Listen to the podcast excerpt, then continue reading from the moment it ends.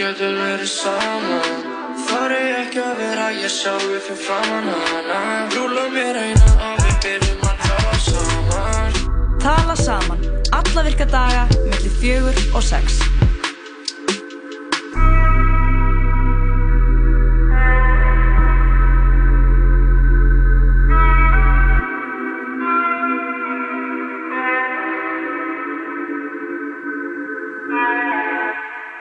Já, góðan og blessaðan daginn, kærlustandi, tala saman með þér þennan, já þetta fína síðdegi, þannig að þetta er Henriksson og Birta Marja með þér. Já, þetta er svona innlagur og fallegur dagur sko. Hann er, það er svo falleg svona höstsól úti Mhm. uh, Esjan er mjög falleg Ég gerði er sæbrutuna falleg. aðan og það var svona falleg sól, uh, höstsól yfir Esjunni og komin svona komið, uh, komið svona snjór á Esjuna og já, bara svona góðu fílingur Góð fílingur í loftinu og svona einhvern veginn ekkert stress í dag. Mest, Nei, það er bara svona miðugudagur, skilur. Fólk Já. er ekkert stressað.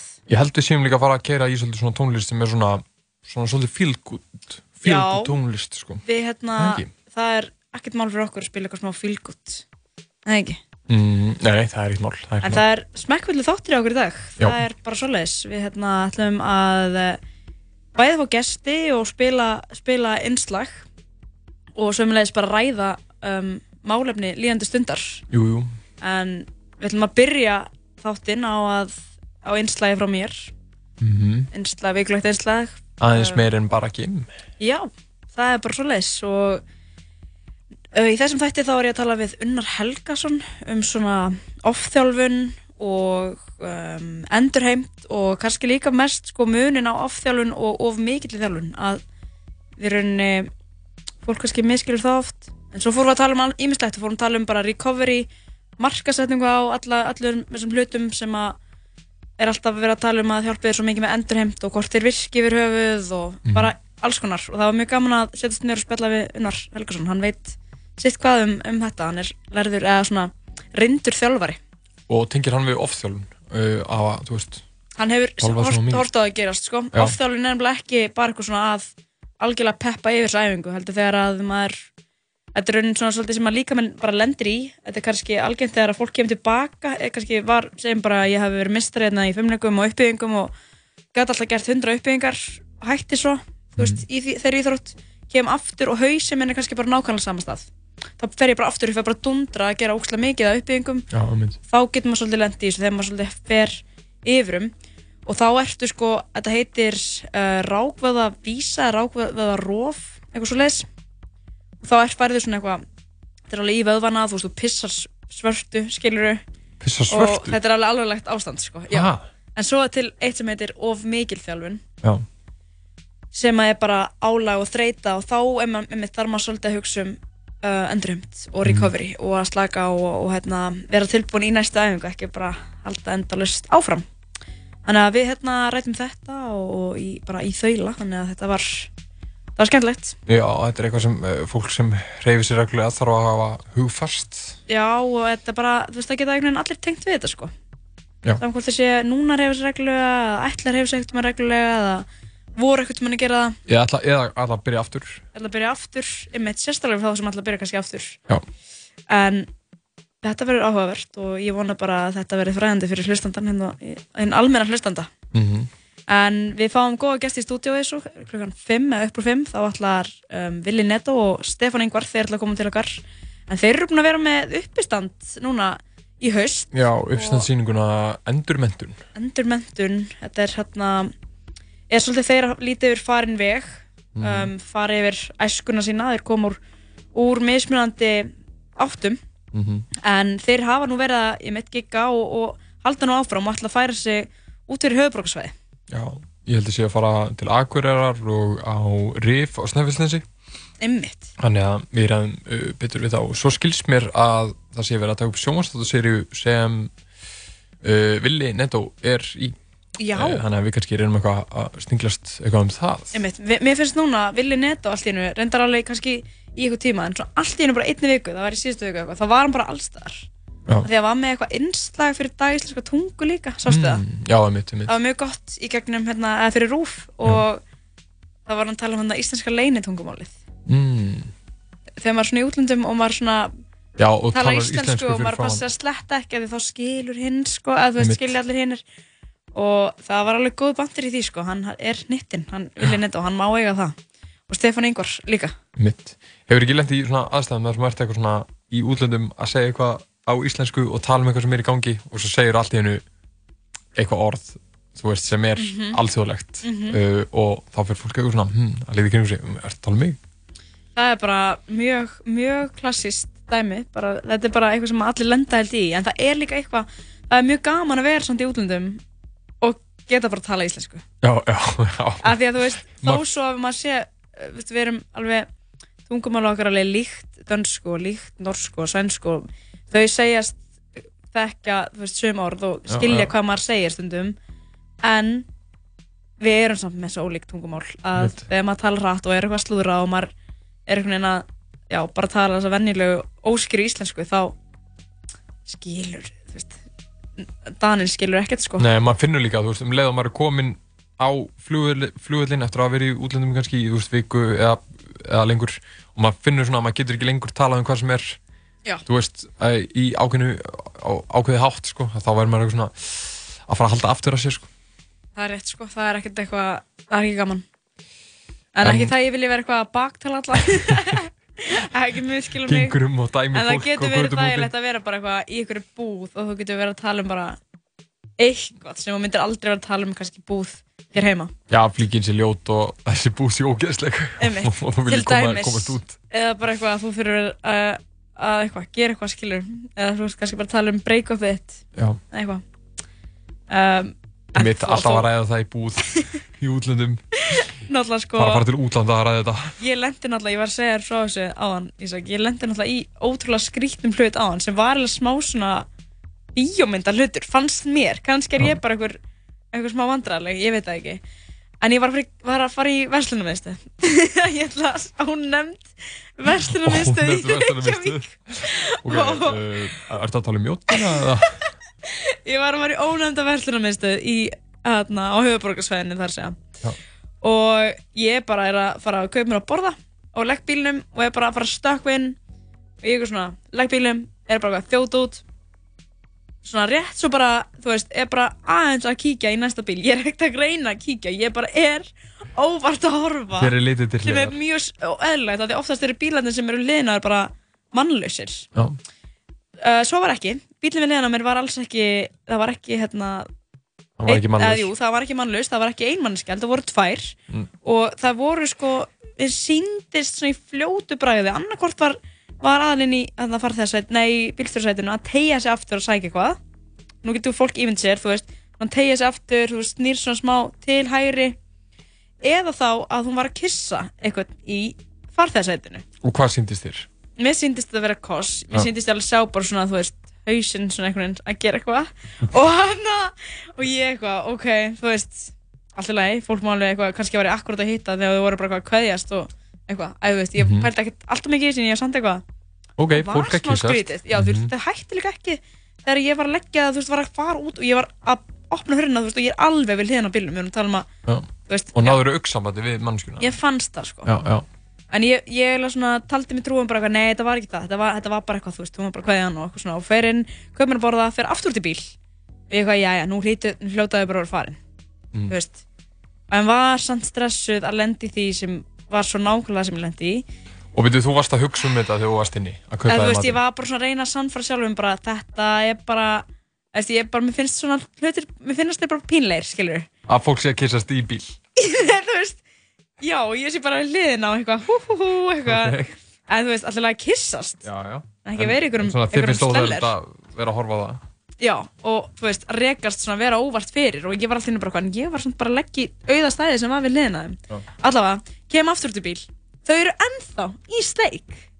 Og þá tókstu alveg og þá 100% tók eftir ég, veist, ég var samt alveg, ok, ég ætla ekki að horfa að því sá hún var ennþá inni, ég er alveg, ok, ég ætla bara að horfa þegar ég bakka út. Þá voru þau bara þarna. Og þau voru bara að kissast. Og ég var bara eitthvað, ok, vibe á bílastæði, vestlunarmiðstöðar klukkan þrjú á miðgudegi og þú veist, mér finnst þetta ekkert eitthvað svona oi, skilur, mér leið bara eitthvað svona oh god, ég á ekki að vera hérna eitthvað, hvað er ég að gera hér svo var ég bara, ah, ok, hvernig ætla þeim líður? En þau voru bara no shame, heldur bara áfram að kissast og það var ekkert meira, þetta var ekkert Þau eitthvað. sitja kannski ennþá að kissast og hlusta á okkur og uppgöta núna að það er verið að tala meira. um þig. En nei, það, það, það var alltaf lægi, þú veist, ég er, Hér kemur þú í útvarpið og ég er ætla að ekki seima þau. nei, ég er ekki að segja eitthvað, oi, ég var ekki að kissast, þetta var ekkert eitthvað svona dirty, þetta var bara, já, þú veist, þetta, bíómynda dæmið, skilur, Já. maður lendir ekkert í svona, það voru bara mikil vibes, Já, þetta er miðugdagsvæpið sem við ætlum að tala um. þetta er mjög út af svæpið, Ertu ekki með eitthvað lag, ok, hvaða lag gætu þau hafa verið að hlusta á? oh shit, sko, hvaða lag getur við hlusta á, um, ég væri til, sko, eða verið að hlusta á eitthvað svona frekar sexy lag, sko, þú veist, eitthvað svolítið svona fallett sexy lag, Já, já. um, en svo getur bara verið að þau hafa verið að hlusta á Young Nico Drippin sko. það getur líka alveg verið, bara flippa flippa. Þau eru aðeins að flippa í bílum en við erum bara einmitt að hlusta á það lag, flip flippa. Þetta er Young Nico Drippin. Vistu mínu ég er að sinna Söngu komast þú þegar ljósin voru blika Flippa, flippa, viktin mætt að virka Ekki tala, nei, ekki vera sleikja Já, já Alltaf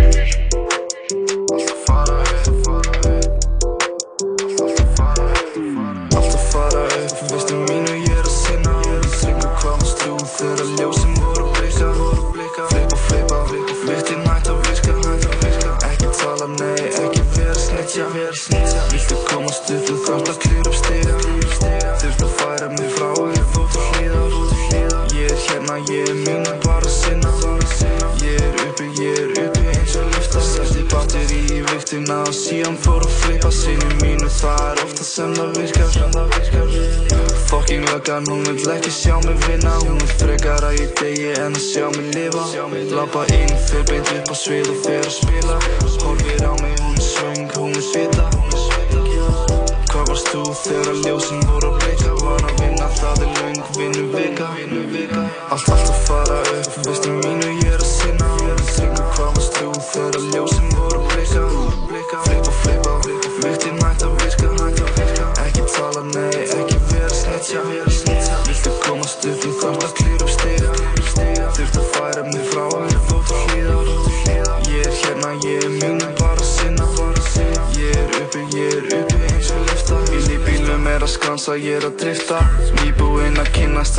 lét ég hann að stinja. Vantar annan bensbíl, líka annan bimma. Púla upp í höllina og lagið er að spilast. Einfallega svona sem að þetta sétt virkar. Vinna, vinna inn í stofunni að flippa. Viktin var að bila svo ég fór og sótti hina. Ungur Níko veður guð, læta snjóa, læta rigna. Alltaf fara upp, veistu mínu ég er að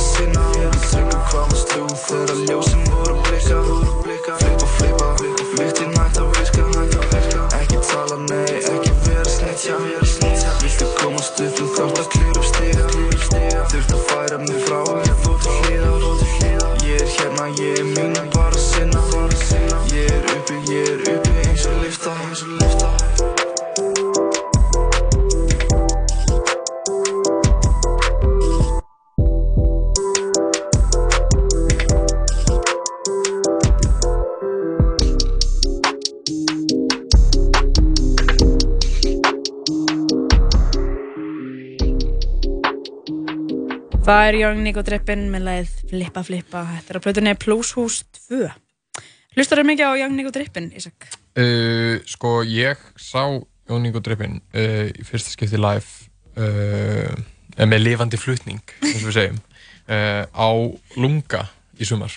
Oh shit. og hann er svo, hann er svo ógeðslega slakur og hann er alltaf svona smá svona hann er smá svona hókin og svona ógeðslega slakur einhvern veginn á rappa.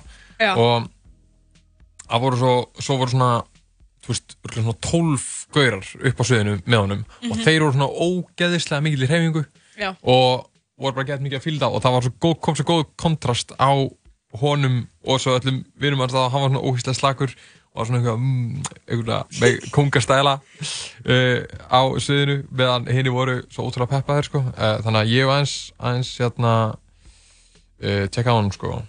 Já, og það var líka hérna gott svona hann var með svo sem var hérna DJ fyrir hann um, Bleach, eða Eithoningi Já. ég held að það verið hann Já, hann var alltaf bara að peppa krátið já hann, hann bara Svo sko, hann mikið. sá um peppið og Nico sá bara um að koma sínu á framfæri sko. já, nú veist, Níko sá bara um, um bara sitt, skilur mm. hann var um peppið og svo voru bara félagarnir hann til að bara dansa, basically Já, og þetta allt saman gerist í lunga regningunni 2019 já, þetta var, þetta var epist sko.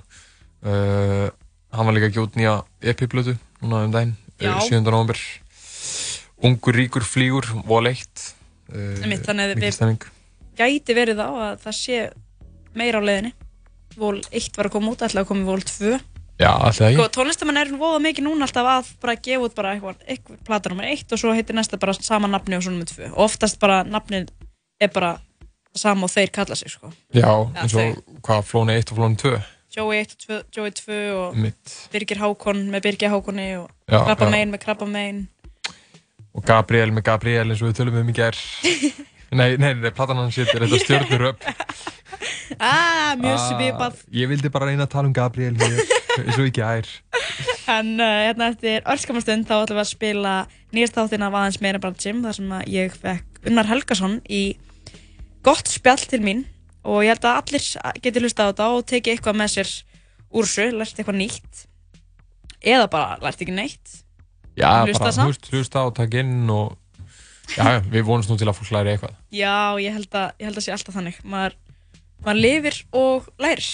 Jú, mikið rétt byrna En uh, já, aðeins meira bara Jim eftir örskamastund en þanga til um, smá auglýsingar og svo bombuðu sér í gang Horðu á One on One Live Session með Bergrós í bóði Vitamin Well Zero á Instagram og oneonone.live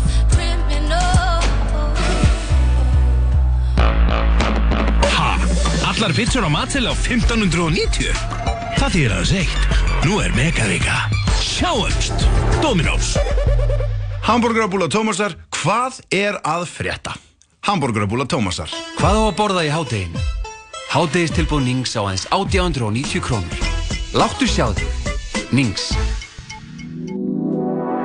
Útvarp 101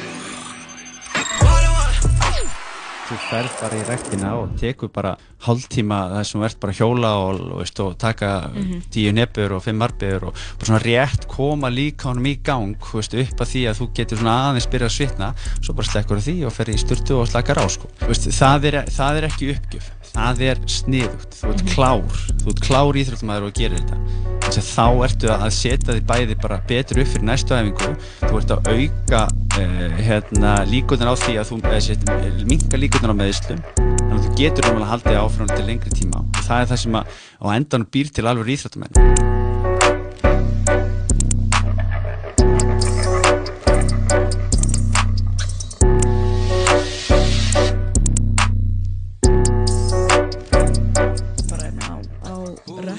og sjáum hvað gerist. Ég er ekki bókað fyrir henni bara í fyrirmáli Ok, sko. það er hérna mjög jákvætt.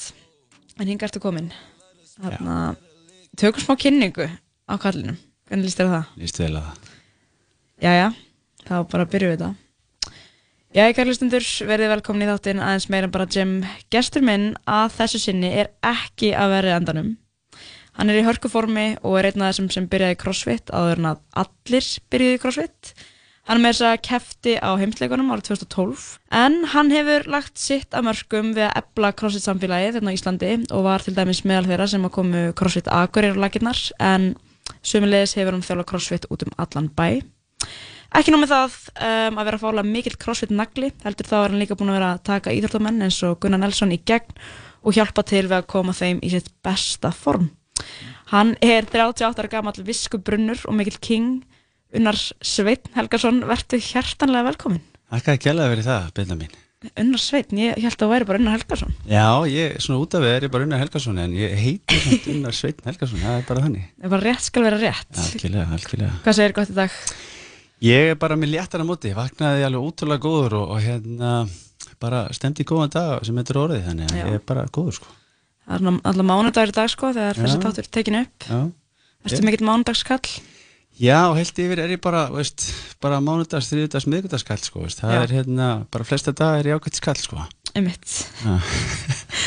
en hann Unnar, það er sko nóg til að tala um sérstaklega þegar kemur að þér, þú veist mjög mikið um svona íþróttir og þetta er náttúrulega svona gym miðað podcast Já, algjörlega Nei, við vorum að reyna að finna eitthvað svona umræðefni sem væri viðegandi Já. og kannski að taka það fram, þú ert náttúrulega minn þjálfari, þú ert þjálfari minn Já, ég er svo heppin að fá að þjálfa því, við ætlum, en við ætlum ekki að tala um hversu enna, vel mér gengur. Við ætlum, enna, við ætlum að tala um eitt sem kallast ofþjálfun og svona endurheimt kannski í tengslum líka við það svo. Já, akkurat.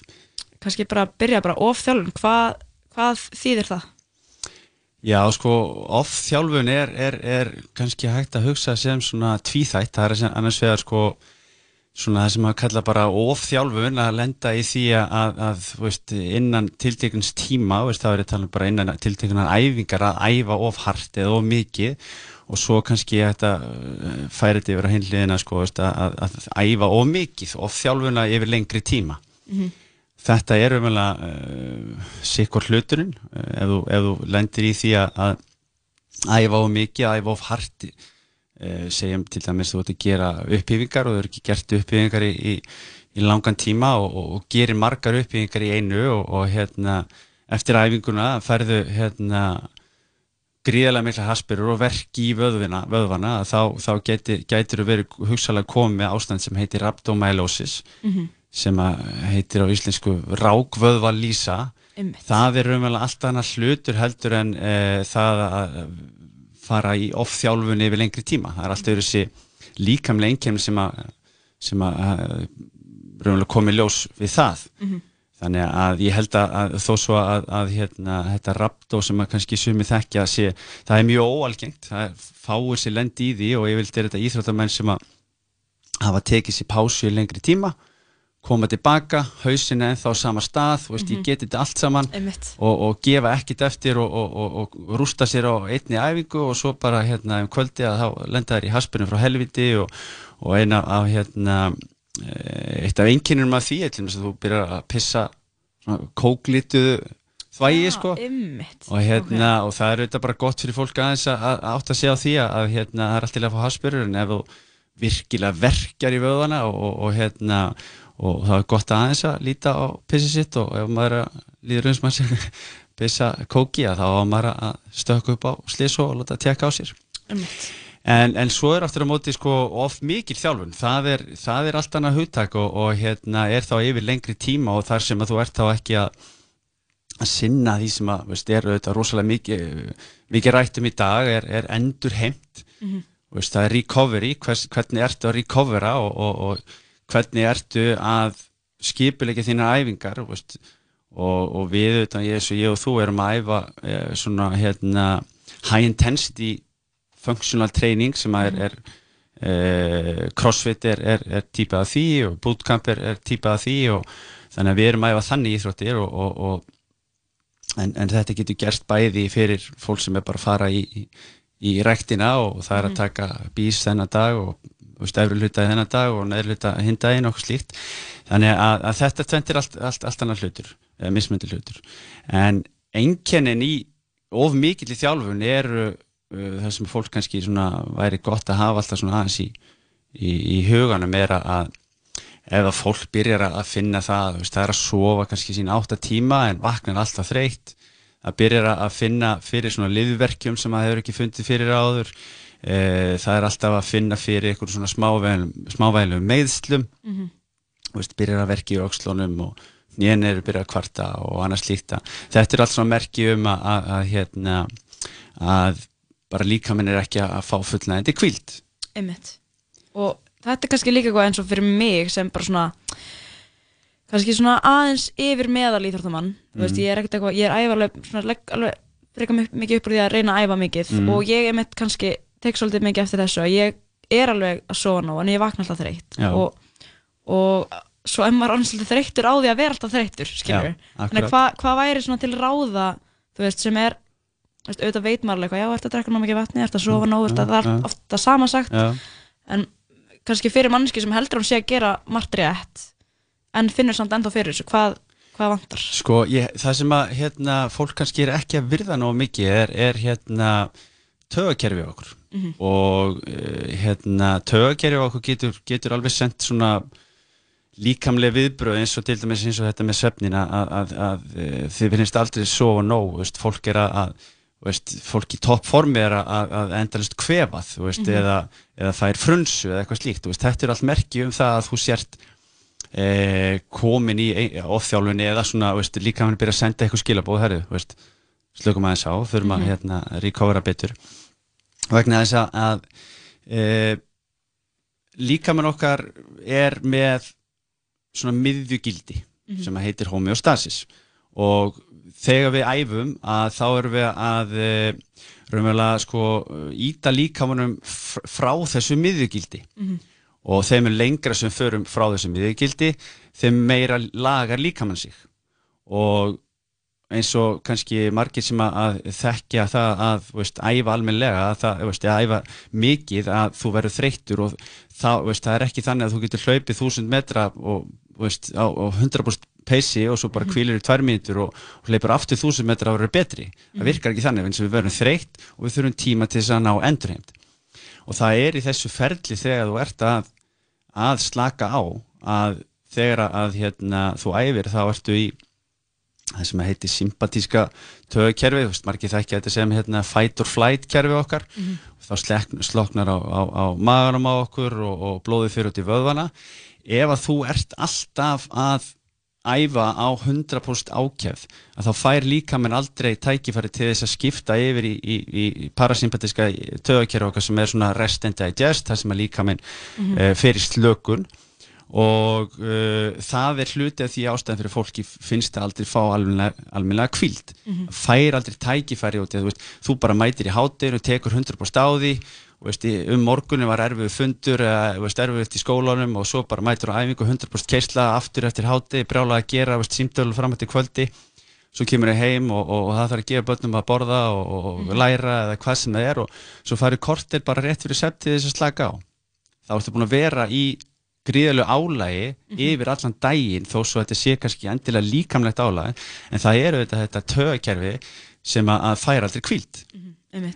og hérna þegar þetta tögakerfi færa aldrei kvíld þá förum við aldrei í það ástand að líka með fer bara í slökun hann fer ekki í viðgerða mótið sitt skilur og, og hérna já og við náum endurinn Þannig kannski líka í þessu að þú veist, þó maður sé ekki mitt að æfa mm. allan daginn að taka tvær æfingar þá getur álæði alltaf verið um hann og þá kannski einmitt kemur svolítið að því að sko við erum ofta að nota alls konar tæki og mm. tól mm. og, og bara vítamínu og okkur til að hjálpa við endreim en svo kannski þarf líka bara að stoppa í smá og bara huglega í 15 mínutur eða bara ná þessari slökun sem er einmitt þú veist, ég get alveg tekið vítamínu og haldið svo áfram vinna og Já. það verður inn í líka minn en ja. hausin á mér er ennþá fullu akkurat, akkurat. þannig að heldur það sé eitthvað sem að fólk ætti meira að hugsa um að þú veist ná svona kúpla sig aðeins út eða hvernig? Já, ég held sko, veist, það, þetta, þetta er góða punktur og, og gott að þessu kom inn á þetta við erum auðvitað alltaf að hérna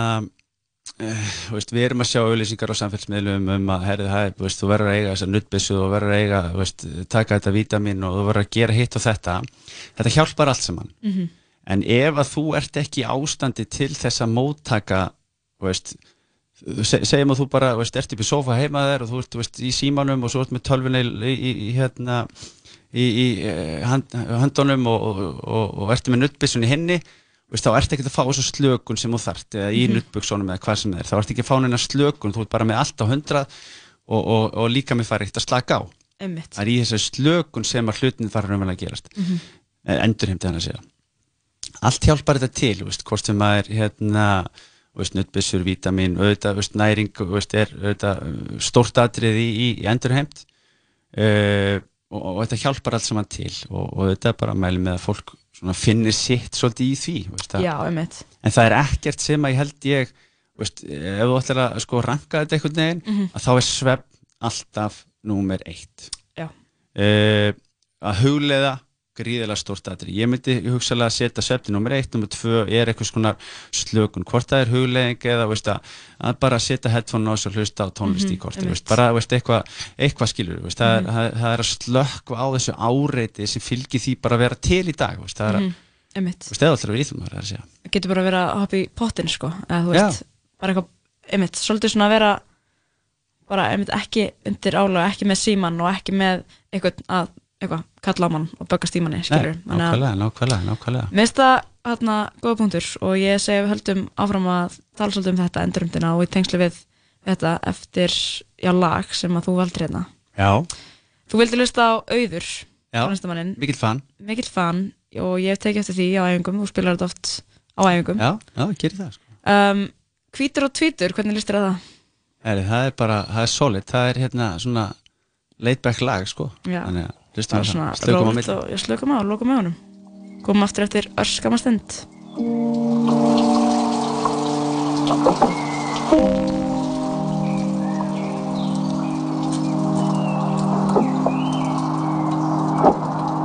Hvítur og tvítugur, vakand eins og vampýrur Vorkin eru mér þó ég sé skandinaviskur Pappi segir að ég ætti að tala meira við sig Mamma segir að ég ætti að læra af systur minni. Hvíld í friði orri, hvíld í friði hraut Fyrir utan ykkur ekki gengi gegnum neitt. Ringlaga heimur, ég tek eitt skref í einu. Ekkert nýtt undir sólinni, ég sé ekki eftir neinu. Ég samfærður um það Þetta er bara tímabil Veit að allir þurfa Gangi í gegnum erfiði. Og kannski eftir allt saman Verður þetta þess virði. Býðum og sjáum ó, ó, ó, ó. Geðlæknirinn sagði að ég ætti að leggjast inn Mér fannst það vandraðalegt þegar ég fór í annarsinn Alltaf þegar við hittumst þá erst þú grátandi Samt ert alltaf á hvernig ég læt kringum þig. Hver á þessa íbúð? Mér finnst ég svo einmanna Er ég að fela hegðun mín á baku sjúkdóma? Þú varst kletturinn minn á erfiður stöðstundum En ég þurft alltaf að hoppa fram á nafunum Ég samfærður um það. Þetta er bara tímabil. Veit að allir þurfa Gangi í gegnum erfiði kannski eftir allt saman Verður þetta þess virði Býðum og sjáum ó, ó, ó. Held að enginn veit í raun Hvað þetta allt snýst um. Baby er svo fucked up Stungu sár á nýhelanum Ég hótað að drepa mig Bara fyrir aðtikli Tímarnir og mennirnir Ég og þú en ekki við. Áttum okkur tímabil Það var aldrei fullkomið. Ég kom illa fram við þig Ég veit ég ekki fá við þig Ætla reyna að bæta mig Alveg eins og áður fyrr. Vona að þú varð veitir Meir en bara erfiði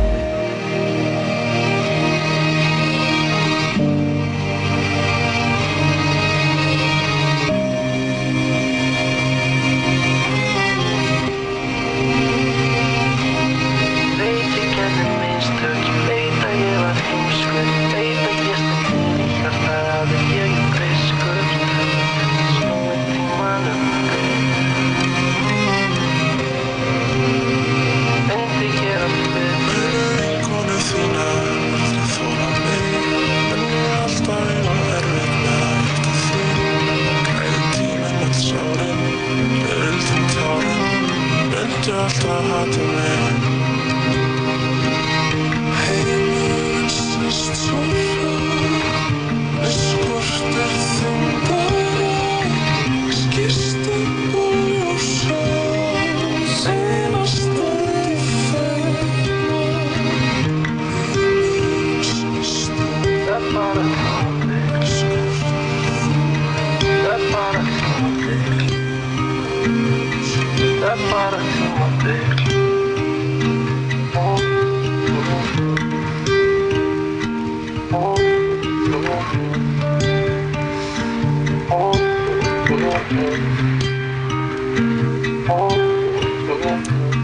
Já, já, já, hvítur og tvítur, þetta er tónlistamæðurinn Auður, þú ert hjúts fanunar, ekki? Jú, ég er það, ég, ég, ég er nettur gaur sko. Mjög nettur sko. En uh, við erum búin að tala um hérna ofþjálfun og endurheimt og bara, þú veist, líkamann og hvernig maður á að hugsa um sig sem mm. íþróttamæður og bara sem, já, ekkert endilega ykkur atvinnumæður, heldur bara, þú veist, hvernig maður á að tækla þetta svolítið og við erum búin að tala um að einmitt, maður þarf svolítið að vera tilbúin að taka við kvildinni, það er ekki nóg bara að vera með eitthvað svona dundur ykkur nuttbus á sig og vera bara hvað herri bara rétt svo að renna með nuttbusun Já. yfir þetta líkamann þá er bara góð, Já. maður verður svolítið að þú veist, setjast niður, gera þetta vera með hausinn Já, bara svolítið slagan þannig að hérna, tölum bara aðeins meir um þetta hvað, Já, það er svona, það er svona eitt svona, sem ég held að, að margi kannast við veist, og, og maður er ótrúlega oft Þú veist, að, að fólk sko hérna, æfir rosalega mikið og svo herri bara, det, já, ég er í dætt í ykkur fymta pest maður og Mhm. kemur tilbaka og bara tekur PR veist, og bara aldrei verið betri. Þú veist, af hverju er það? Mhm. Og þegar ég var kvefaður, ég var með kvef veiru í mér, nei, það vegna þess að þú náðir kvíld Mhm. og gafst líkamannum eh, bara lang þrá tækifæri til þess að, að, að recovera og, og recover er, veist, þú var áttu á því að, að vöðvarnir okkar þeir, veist, við, við skemmum þá veist, við erum að eigðileggja vöðvan okkar og, Mhm. og sinarnar og allt þetta þegar við erum að æfa og svo þegar líka mér fær tækifæri til að byggja þetta aftur upp og það er raunverulega það sem gerir, við erum að bæta við erum að, að hérna, bara byggja upp líka aftur þá verðum við sterkari og hvað gerir svo næst? Jú, herri, bara, herri, ég er bara hendi PR maður, herri, svo tekur bara, veist, átta vikur við, bara hverju degi aftur, ég verð veikur aftur og svo bara veikist ég og tek fimm daga off og, og aftur PR. Mhm. Hvernig væri að, að kannski aðeins að snúa þessu við og, og taka bara, veist, tvær, tvær æfingar í viku sem eru eina æfingu í viku fyrir eftir hversu oft þú æfir sem er bara svona algjör slökunar æfingar, rúla í gegnum eitthvað flæði, róa aðeins, hjóla aðeins, jogga aðeins, taka arp, tíu arbir og milli, eitthvað easy bara, er Mhm. þe- þessar æfingar, quality æfingar stundir sem milli sem að, sem að raunverulega bara auka árangur. Mhm, einmitt. En svo er þetta líka, þú veist, að fólk er stundum um, ekkert endilega alltaf að hugsa um árangur, jújú, jú, þú veist, svona loka markmið er alltaf eitthvað svona árangur en Mhm. oft er líka bara fólk finnst gaman að fara æfingar og fólki finnst gaman að mæta og taka þessa klukkutíma, veist, þetta klukkutíma vott eða, og vera í þessa stemningu og vera með fólkinu og þú veist, einmitt alveg bara allir Mm. döður á því eftir einhverja miljón trilljón burpees, skilur okkur svona Akkurat.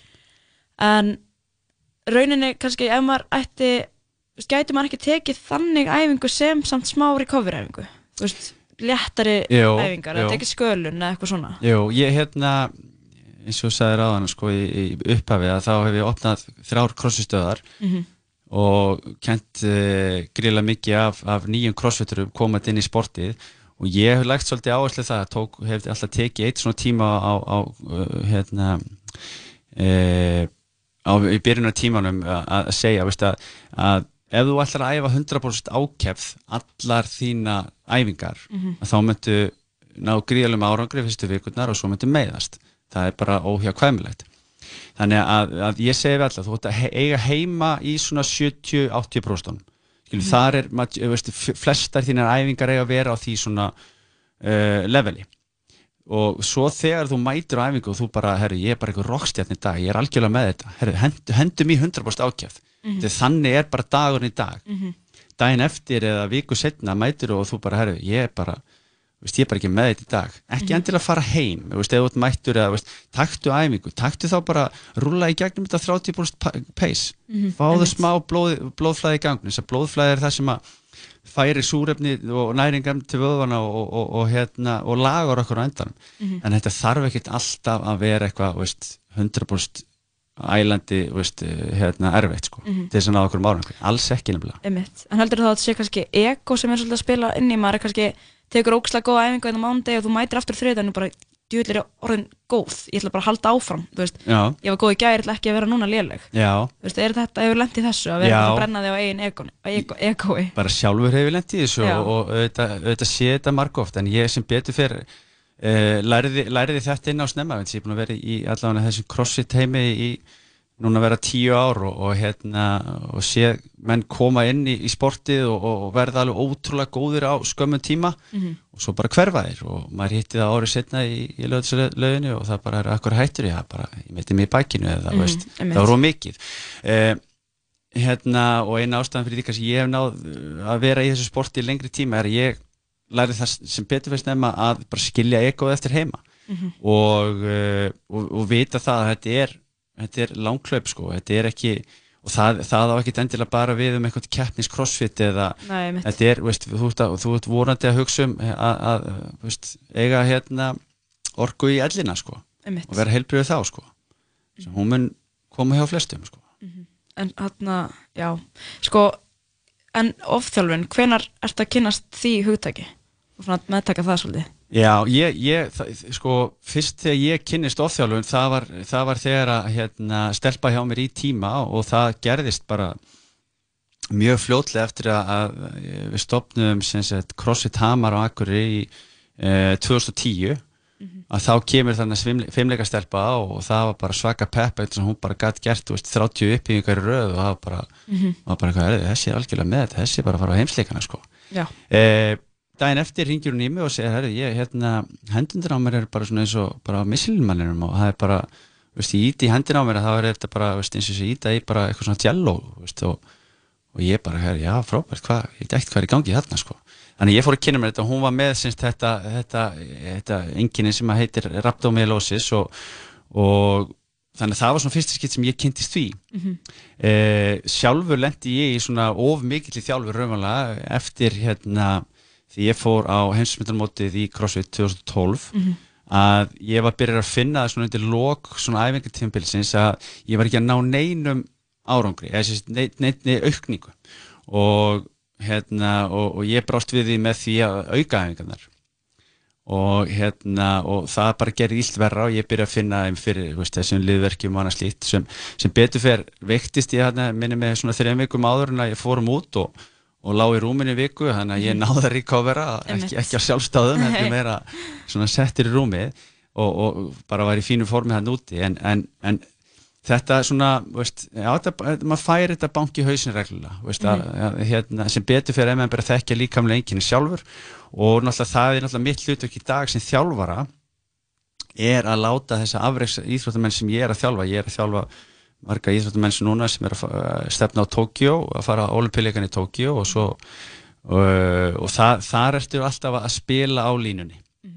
E, þú vilt alltaf passa það að, að, að, að íþjóttumar að sé að fá nógu mikið áreiti mm -hmm. til þess að verða betri en ekki það mikið áreiti að hann fara að meiðast eða veist, lendi eitthvað svona nógu mikið í þjálfun sko. þannig að það er auðvitað kunst og það er eitthvað sem að veist, það samspil á milli íþjóttumanns og, og þjálfara þarf að vera svolítið Veist, við þurfum bara að ræða hlutinu að, mm. veist, ég þarf að spyrja í upphæði hverja æfingar hvernig hefur það, ert í stuði í dag veist, hvernig var nóttinn mm. og, og, og allt annað, hvernig er næringin og söfnin og allt þetta, þannig að það er kannski svolítið öðri sér hlutverk heldur en, heldur en það að vera að þjálfa annarkot hópa sem að ég reynir að koma sem skilabótið skila að þetta sé mikilvægt en, en samspil á milli íþróttumanns one on one sem að mm. Er, er að söður þessi sko. Einmitt, og það getur verið erfitt líka að stjórna svolítið bara heilum einstakling, skilur, bara láta hann eitthvað svona stoppan kannski ef hann har að taka aukaðingar, eða þú veist þú matar hann ekki, skilur, og þú svæfir hann ekki, skilur þannig að það þarf einmitt svolítið bara að hlusta og, og þessi samskipti eru mjög mikilvæg. Já. en Þetta er góð hugmyndið bara að mata og svæfa fólki Já, það væri þú með Gunnar Nelson svæfan. Og, og, og, og börnin hans líka. Já, það er, það er ekki En ok, sko, ég held að eitt sem að ég er allavega mjög forvitin svona byrjt sér frá ofþjálfun og, recovery það er heimsleikarinn 2012, þú varst að keppa í liðakefni Já. Hvernig var það? Ég, það var hérna já, það var það var, það var ríkalega gaman. Já Ég, hérna, já, ég kefti í liði með, með miklu, miklum uh, sérfræðingum og, og ógeðslega flottu liði. Og þá var liðakefni þannig að við vorum sex saman í liði. Já, ok. Og hérna uh, við fórum hérna fyrir CrossFit Sport þar sem ég var að þjálfa á þeim tíma og, og hérna þetta var, veist, að, veist ég, ég er svona meiri svona gæði sem hef miklu meira gamar kannski að ferðalæginu, veist, að, að veist, undibúningi og öru slíku og, uh -huh. og hérna við lögum mikið á okkur til að koma þarna út og svo komum við þarna út og, og sáum það að, að hérna við áttum mikið róðið í þetta lið sem var skemmtilegt og hérna mér fannst eins og allir væri einhvern veginn teiknaðir hérna sko, veist, mm -hmm. bara, menn voru svo hrikalega massaðar og skortnir og ég bara, ég var bara kvítur og, og íslendíkur og eitthvað kvítur og títur hérna, sko. en, en þetta var mikið upplifun og, og hérna ótrúlega gaman og, og hérna og líka bara það að veist, ég er búin að fara e, að fylgjast með núna í hvað sex þessu skipti sjálfur mm -hmm. og sjá þetta að vaksa og verða þetta stærra og stærra þannig að þetta var mikið upplifun Finnst þér að vera meiri, meiri þjálfari heldur en keppandi? Já, ég er meiri, meiri þjálfari og, og það er kannski ástæðan fyrir því að maður hefur aldrei farið en til að svona algjörlega all-in í þetta mm -hmm. ég hérna, já, það er svona ég hef, ég hef miklu meiri áhuga á því að, að hérna, hugsa hvernig hlutinir eiga að vera gerðir og af hverju þeir eiga að vera gerðir eins og, mm -hmm.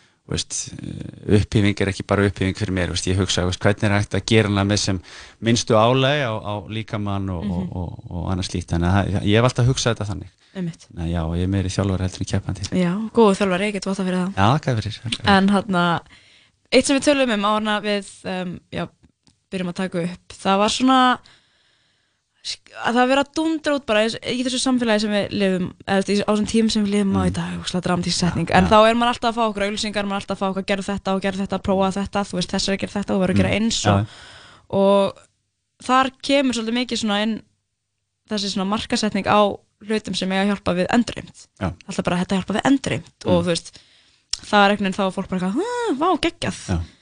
Um, ámar að þú veist, ég veit ekki er, er verið að plata mann eða er þetta alltaf eitthvað sem að, veist, virkar og er eitthvað sem er sniður en annað, þú veist, bara svona ertu með eitthvað svona tips and tricks fyrir fólki að Tips and tricks? Eh, Sko, ég er náttúrulega með veist, nummer eitt, ömulegt tricks sem að virkar alltaf og það er svefn. Þú veist, Mhm, það, veist, það er auðvelt að segja það en, en sko, ég, ég, ég veist, út af því ég er þjálfari og ég er að þjálfa afreiksfólk að þá, þá finnst ég eða, sérst, ég þá reyni að prófa sem flesta hluti. Mhm.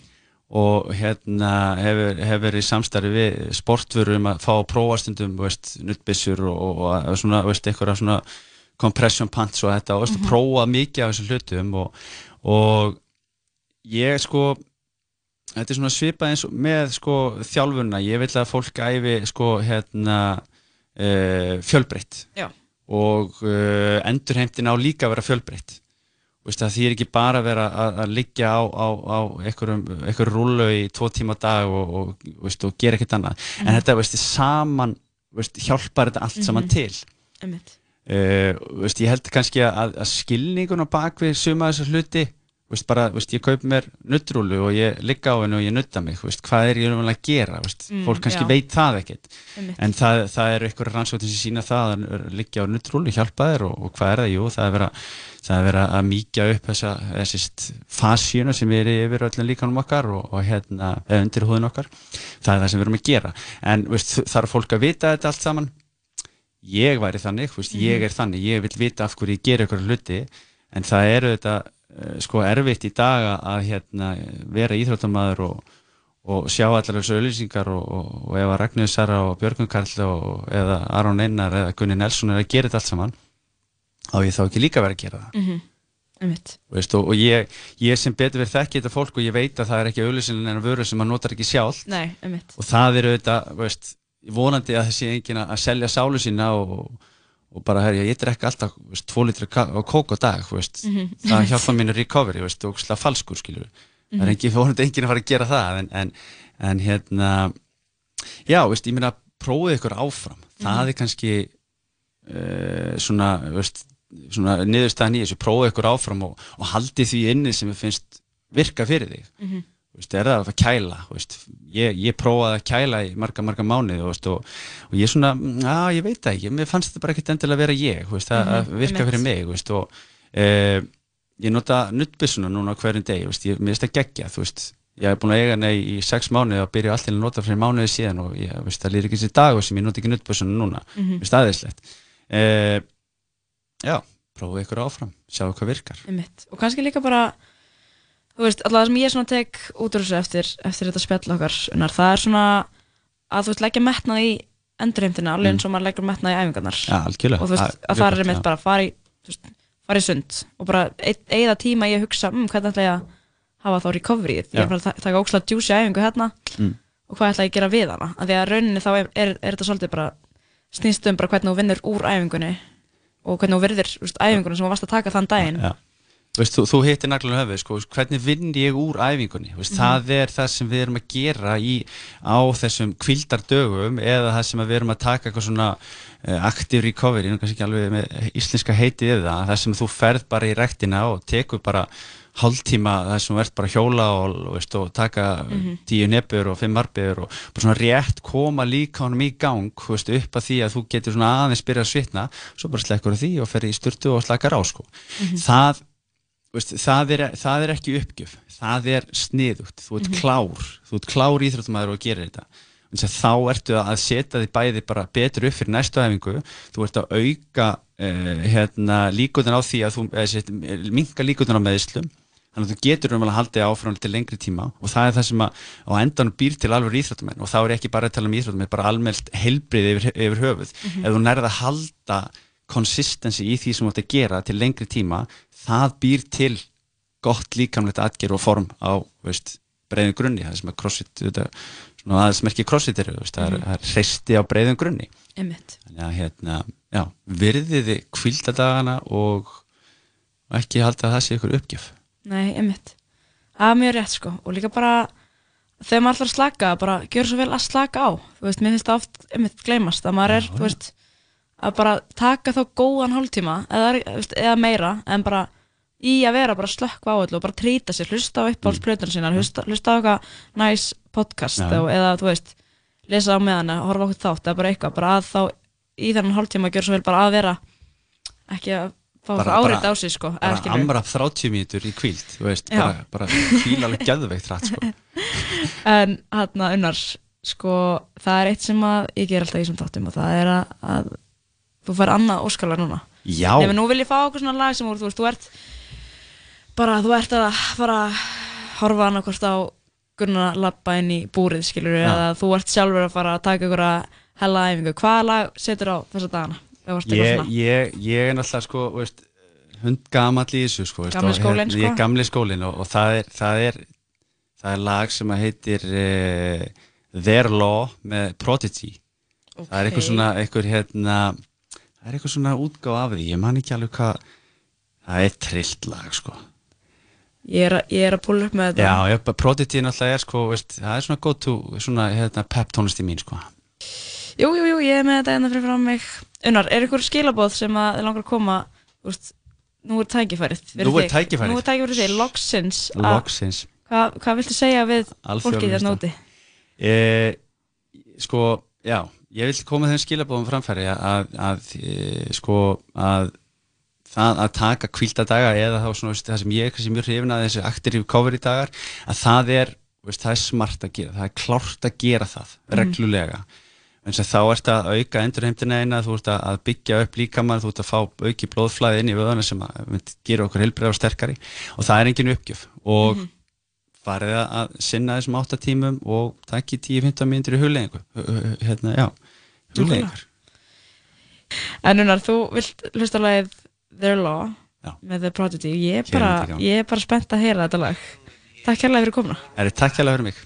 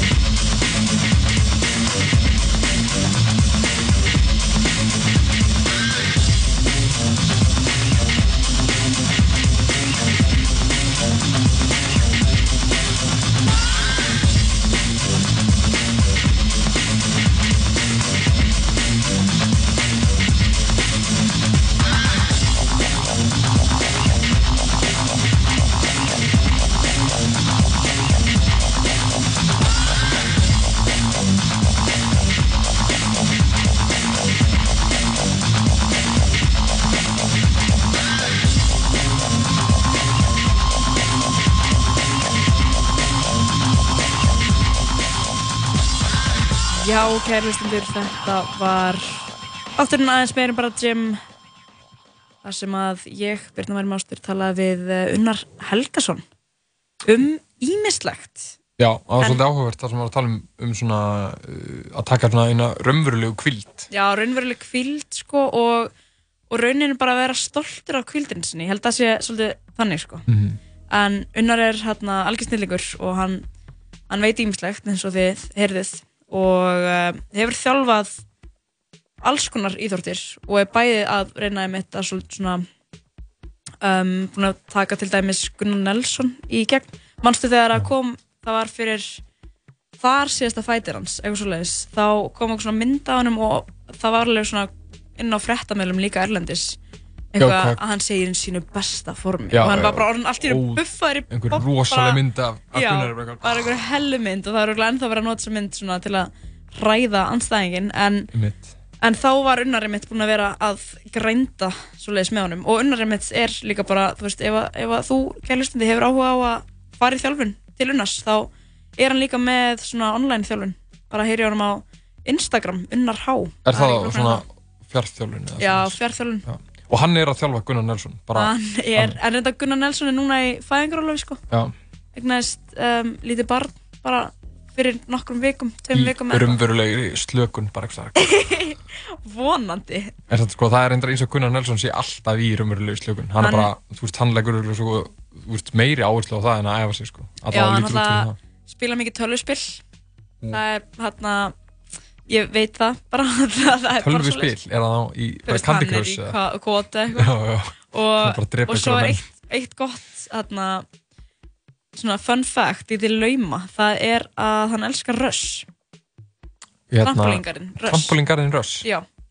Þannig það er góð spurning hvort að unnar hafi komið honum í svona gott form eða hvort að sé trampolíngarinn en allavega ég vil fá það bara að eh, já, minna það að þátturinn er svo aðgengluðu bara núna eftir örskapastund inn á Spotify síðu og heitir aðeins meira bara gym þið getið tjekka á honum ef þið kannski mista af, af hluta þáttarins. En uh, Ísak, ert þú mikið að hugsa um að slaka á? uh, Slaka á, bara svona almennt? Já, uh, Já, stundu slaka maður á aðeins og mikið sko. En hérna, ég, að- ég reyni að fara í sund okkur um degi sko. Mér finnst það svona, er svona, það er svona mín, mín slökun sko. Það er mjög góð slökun sko. Já, að, bara taka, reyni, þú veist, ef ég get, þá reyni ég að taka góðan klukktíma sundi. mest verið í pottinum eða ertu að henda þér í kalda eða laugina eða Uh, hvernig Ég er með svona ákveðna rútínu á þessu Það er að fara í heitapottin, kaldapottin, heitasta, kalda, lappa hring, gufa upp úr Ertu komin með þetta þá í sundhöllina, þetta kerfi? uh, Í Vesturbæðurug Í Vesturbæðalög, einmitt. En, En- ert alls ekki úr Vesturbænum.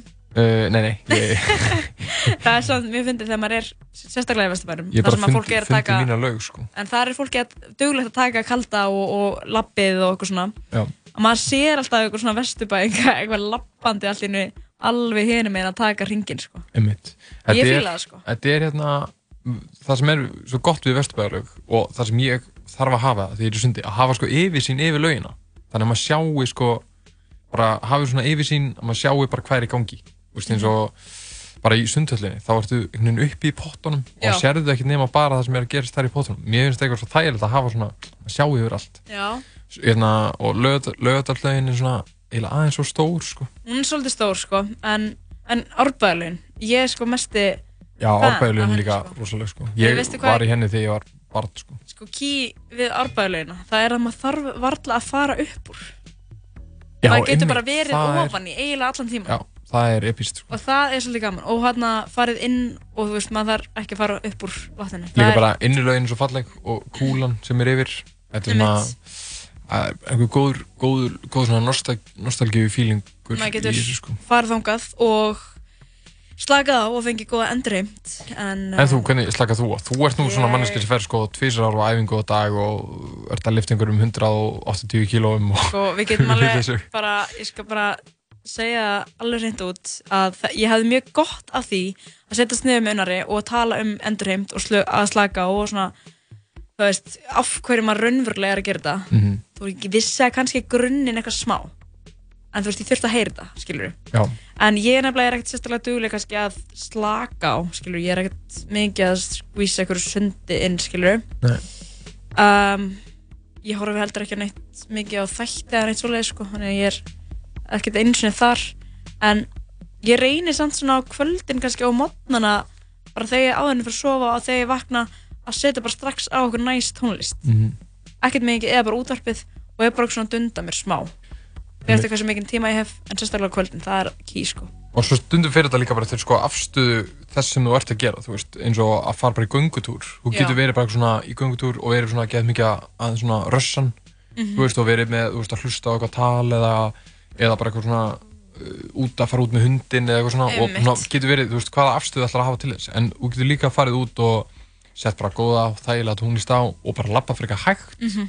og þá getur verið svona taka inn, slaka á, hugsa Einmitt. eitthvað, fara yfir daginn, Ég hugsaði þetta morgundaginn. einmitt sko, ég var í, hérna, fór til London um daginn Mm. og var rosa Eins og maður mikið gerir. Æ, sem maður, maður geta bara svona first haust ferð, nei, alls ekki alls ekki en hérna, og ég til, fór til London og var mjög mikið að farast með tjúbunu þar, neðan nýjarlistinni Já. og það er náttúrulega bara ef maður, ef maður reynda með þarna simkort frá, veist London eða eitthvað þá, þá hérna er maður með Sambandinu í London. Maður er með simkort frá sambandinu Nei, ok, ef, ef ég hefði verið með simkort frá, þú veist, Englandi eða Breitlandi eða eitthvað, þú veist, whatever að þá hefði ég verið með Wi-Fi á stöðinni, þú veist, þarna stoppistöðunum Já.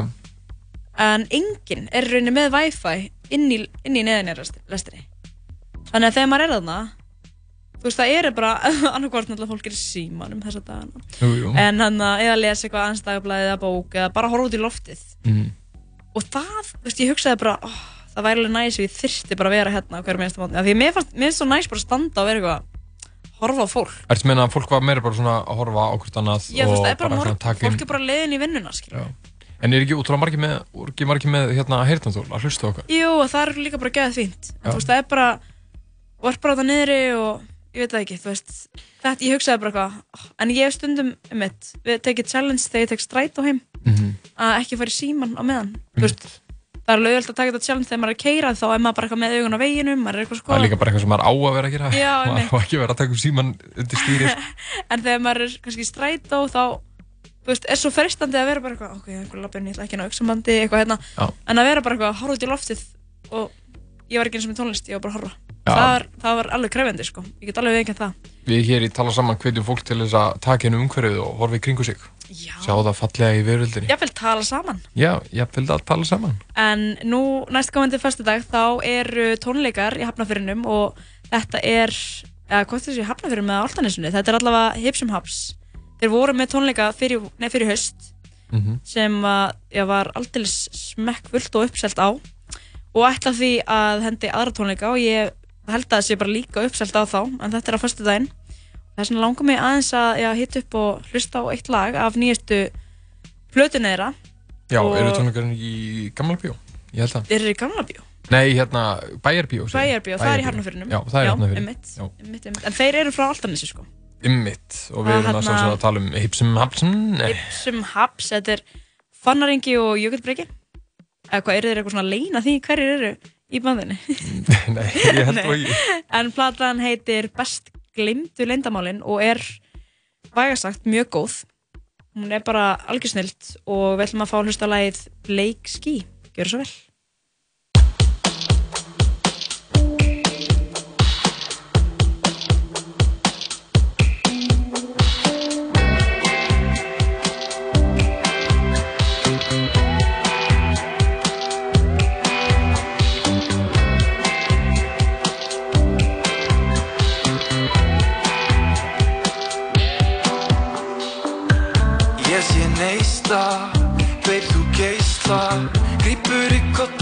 á stinu þegar ég být í þín hafur.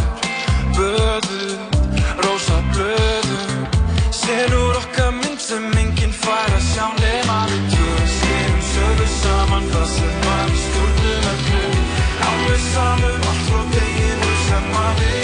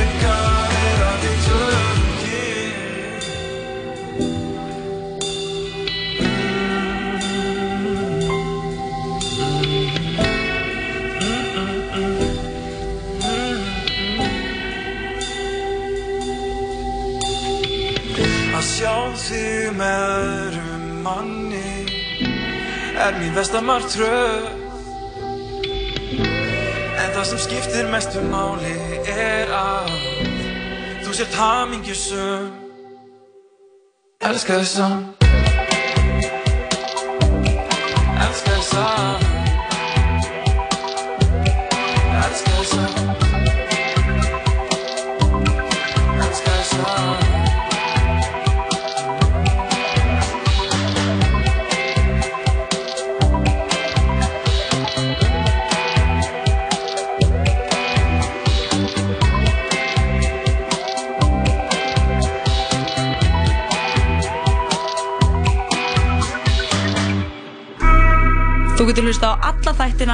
Saman á Spotify.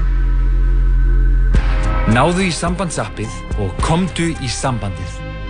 Sambandið. Símafélag framtíðarinnar. Mmm, þetta er góð matur. Skál, hlemur matöll. Sjóðheitar fréttir frá Serrano. Í þessari viku færðu burrito af matseðli á aðeins 1099 krónur. Því það er hitabilgja á Serrano. Serrano. Fresh. Happy. Max. Tala Saman. Alla virka daga, millir fjögur og sex. Í bóði Dominos og Zombieland Double Tap Komin í bíó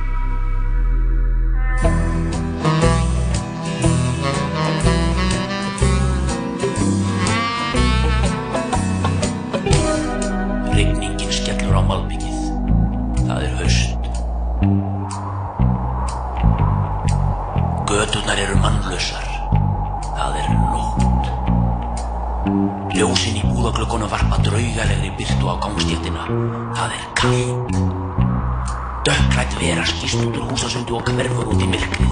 Það er svart. Hann er að störfum. Enga spæjarinn. Hann gengur undir nafninu Jóns Bæjó.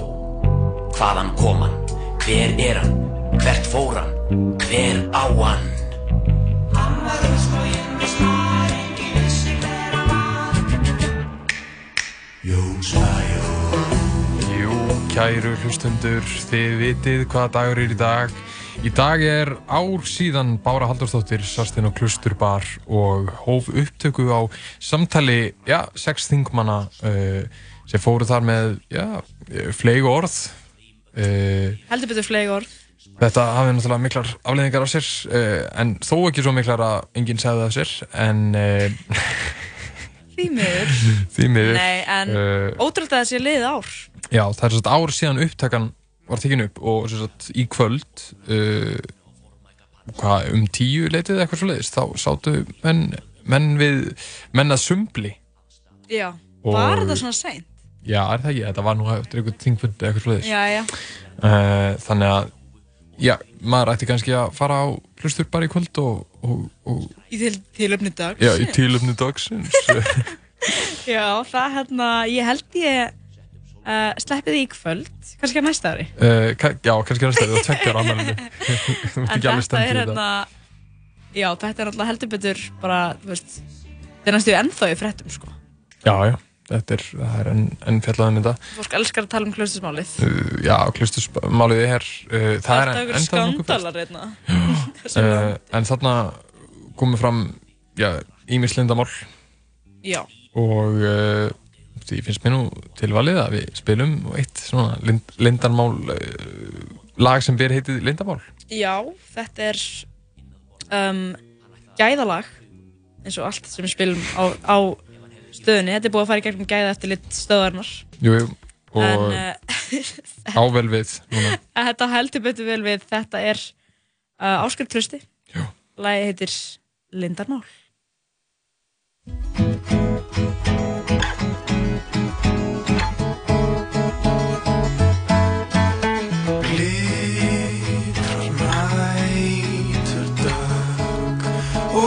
ég þar með henni grátur kvít og vunur nú best fráruðu húsi læð að strefa hjón. Og lafir bróðu kjæfti lerk í skóurinn hann fær nú margt að vita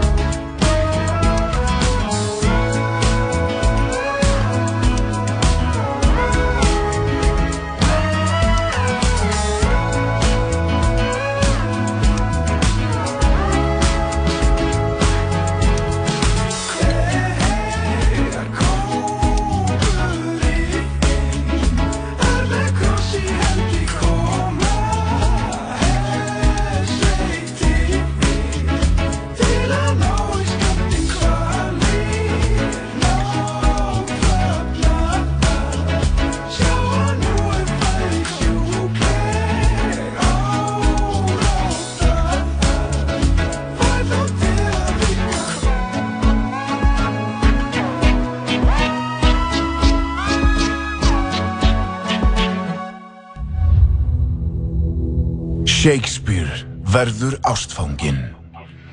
Ástir. Ég læt ekki taka þið frá mér. Aldrei.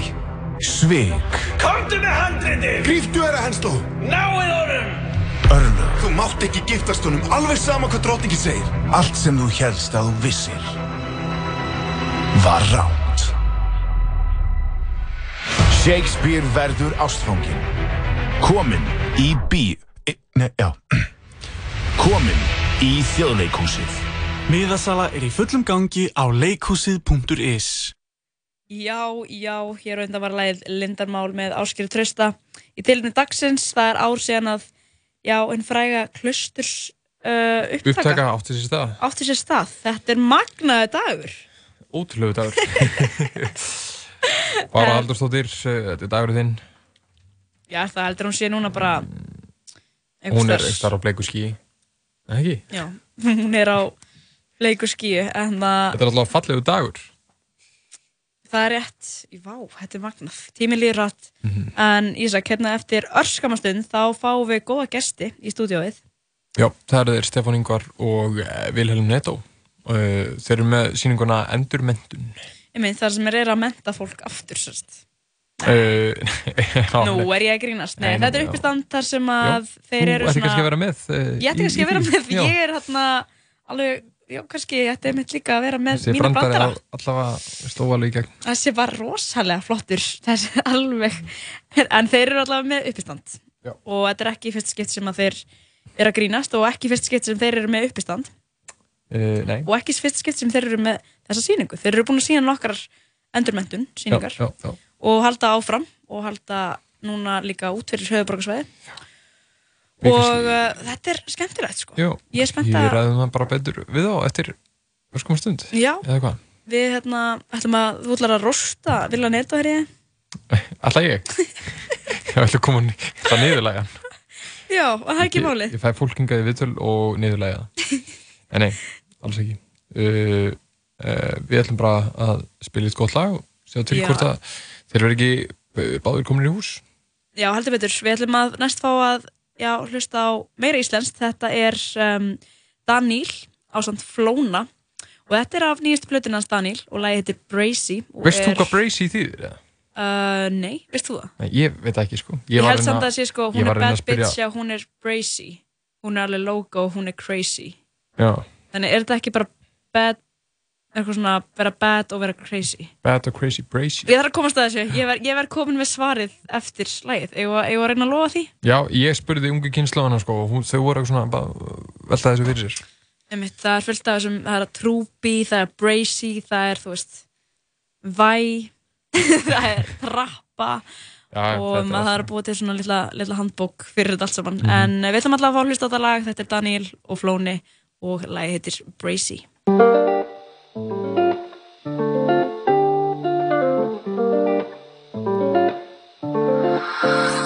er bad bitch, já, hún er crazy Hún er alveg loco, hún er crazy. Já, hún er my baby, my baby.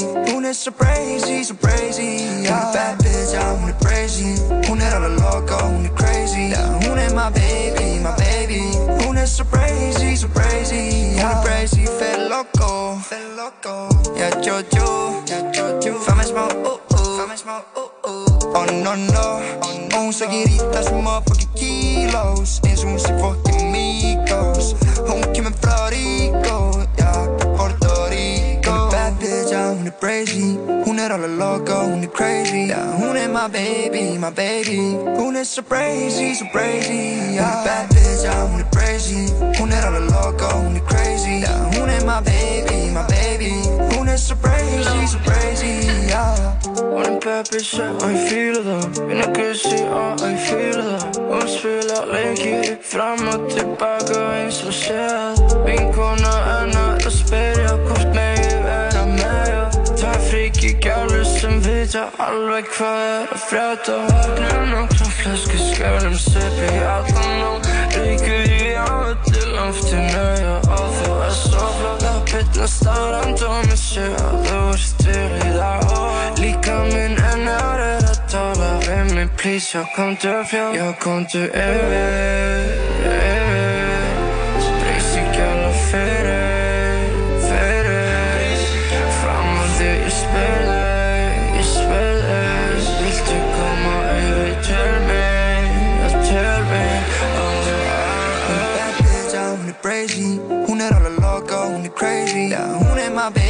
my baby Hún er so crazy, so crazy yeah. Bad bitch, já, hún er crazy Hún er alveg loco, hún er crazy yeah. Hún er my baby, my baby Hún er so crazy, so crazy yeah. Þú finnur fréttir, þætti og tónlist á heimasíðun okkar 101.life Barnaherbergi á öllum stöðum. 14 stöðuvar og 7 sundlöðar á aðeins 6.840 krónur á mánuði. World Class.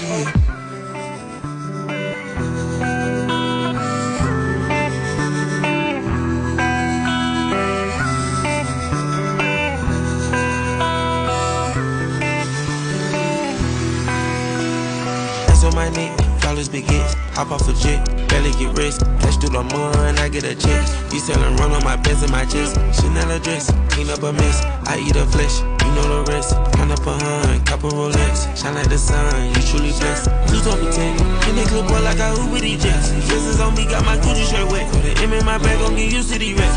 I went to school where they teach you finesse. Buy hundred shoes for the drip, I invest. I'm the boss man, I keep cash at the desk. Know the cool fast when they in with a S.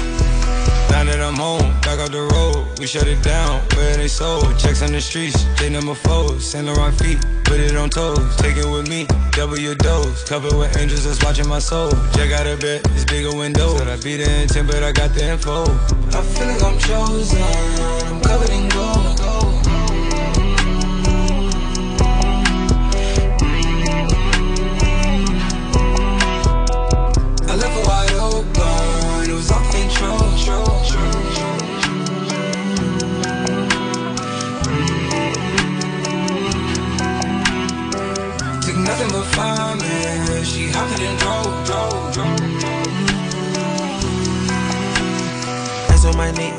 Big hits. Hop off a jet, barely get rest. Cash through the mud, I get a check. You selling run on my pants and my chest. Chanel dress, clean up a mess. I eat a flesh, you know the rest. Count up a hun, couple Rolex. Shine like the sun, you truly blessed. You come with text, boy like I Uber to just Fiestas on me, got my Louis shirt wet. It's M in my bag and get used to these racks. I went to school where they teach you finesse. Buy hundred shoes for the drip, I invest. I'm the boss man, I keep cash at the desk. Go to cool fast when they in with a S. The flame on the island, me and Cash gonna hop on a Learjet. Got potters every color, and I got CCs you ain't seen yet. Said I kicked the cup, and now I'm asking where the codeine at. 30 pointers and up, Eliante dripping my whole team wet. Þú getur hlusta á alla þættina af Tala Saman á Spotify.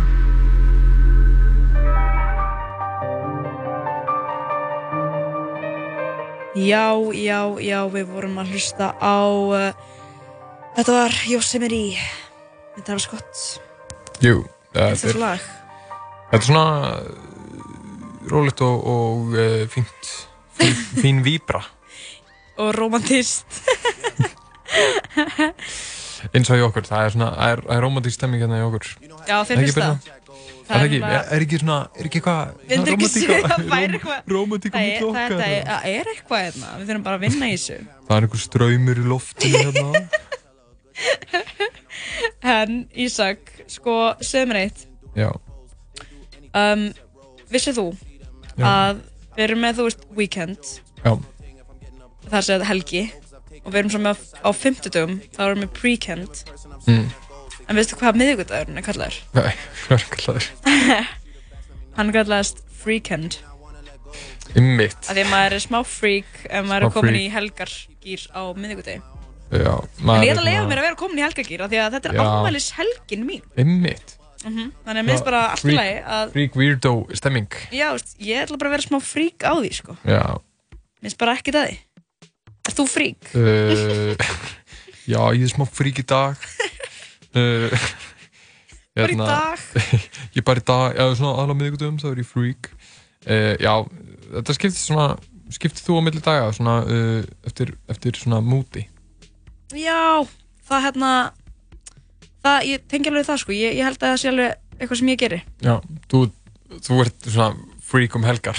Ég, nei, ég hérna Ég er ekki Ég er bara svona er Þú veist, stundum er ég bara freak á Já. þriðudögum, skiljum Stundum bara eitthvað weird shit. Já, þú veist, Í búning. ég bara í, í búning Býtu en hann Ísak, við ætlum nú að leifa gestum okkar að fá sér sæti. Já. þannig að við ætlum að fá að Þeir eru að koma sér fyrir hérna Viljum Nendo og uh, Stefán Ingvar. Þeir eru með heila bók af bröndurum fyrir okkur. En við ætlum að fá að hlusta eitt lag sem að, eh, já, við er, er svona í miklu uppáldi á mér Ísaki. Þetta er hljómsveitin Sigur og lagið heitir Svefn Eyjar. En fyrst er það Örst skilabúð Fylgist með okkur á Twitter og Instagram at 101 Live Radio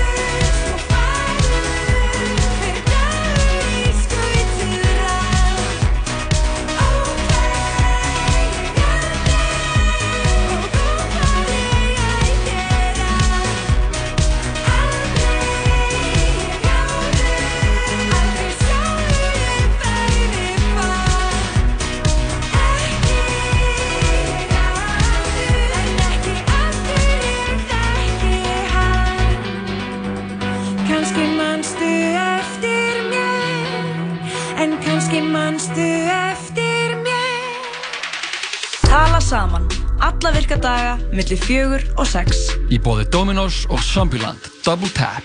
Komin í bíó. Já, við erum hér Birna, Marja og Ísak og þetta var lagið eh, Svefn Eyjar. Var það ekki Svefn Eyjar? Jú. með sigur Jú, jú, jú. Eh, Þetta er glæsilegt Þetta hjá er þér. fína lag. En hingað eru þeir komnir Vilhelm Netto og Stefán Ingvar. Halló. Tengir. Þið, uh, Þeir eru með sýninguna Endurmentun. Uppstand sýningu Það erum við? Já. Hvað? Er það ok, við sáum Ok, takk fyrir. Takk, takk fyrir. Hvað segir, hvað hérna Þeir eru búin að vera með sýninguna í Tjarnabjó undanfarið? Já, það gekk mjög vel. Já, ágæðið Það var svona mjög góð sýning og við hérna erum búin að vera núna að fínpúsa hana ennþá meira. Það var Mhm. svona vel hlegið og mjög góð móttökur fyrir því þannig að við erum búin að fara yfir sýninguna, við tókum hann upp og fórum yfir hvað mætti laga og erum núna að fara að túra þá hálft Ísland uh, á næstu þrejum dögum þannig að við byrjum á Akureyri, Wow. síðan er það Rif og síðan er það Reykjavík. Rif á Snæfellsnesi. Rif á Snæfellsnesi, verðum í fristiklefanum, besti Ok. staðurinn á Snæfellsnesi. Já, þú átt einhverja tengingu þar Já, ég hef unnið þar tvö sömur sko, og mér finnst það bara svo næs Já. og svo gaman og það er svona mikið að gera það er alltaf og Kári sem áfyrist í klefan er alltaf á fulla að reyna að gera góða hluti þannig Mhm. Við Snæfellsnesi þannig að ég hef leikið í sýningum þar og náttúrulega líka bara haldið upp á pubquizkvöld og eitthvað svona Já, já. þannig dæmi Og hvað kemur til sko að þið ákveðið að vera með uppstand sýningu? uh, Sko þetta byrjaði þannig að ég var ekki einu svona allaði mér ekki einu svona komir í, út í uppistand að mér finnst það svo súklega erfitt og stressandi Mhm. en uh, svo voru stelpunar uh, í finnustum mínum Lóa Björk og Salka og Rebecca sem voru búin að pressa mig að komir í gínin til þess að gera uppistand með Stefán Ingvari þá getum við öll saman sýningu á Hard Rock uh, tvisvar og svo eftir það þá langaði okkur að gera meiri svona, hilst, eða svona lengri sýningu kannski með meiri þema og koma okkur saman að gera endurmentun sýninguna Mhm. Var þá kannski þægilegt að byrja svona mörg saman og þurfa að vera bara með stittri, þú veist, algjörlega, það var mjög góð leið til að koma sér inn í þetta Já. Og svo Um, hafa hópaðir svona splittast í tvenn. Já. með- Það er náttúrulega með bara mjög konkrétt og næs hóp og við Mhm. vorum bara eins og Já. voru í hól, út úr hólana sko. Já, í rauninni vorum við bara gestir í, í, í, í þeirra hóp, sko, þetta var ekki við allt í einu vorum partur af finnustu mínum eitthvað þannig að við vorum svona gestir og svo fannst okkur það svo gaman að við ákveðum að slá í okkar einsýningu Mm Og hvaðan kemur þetta nafn endurmentun?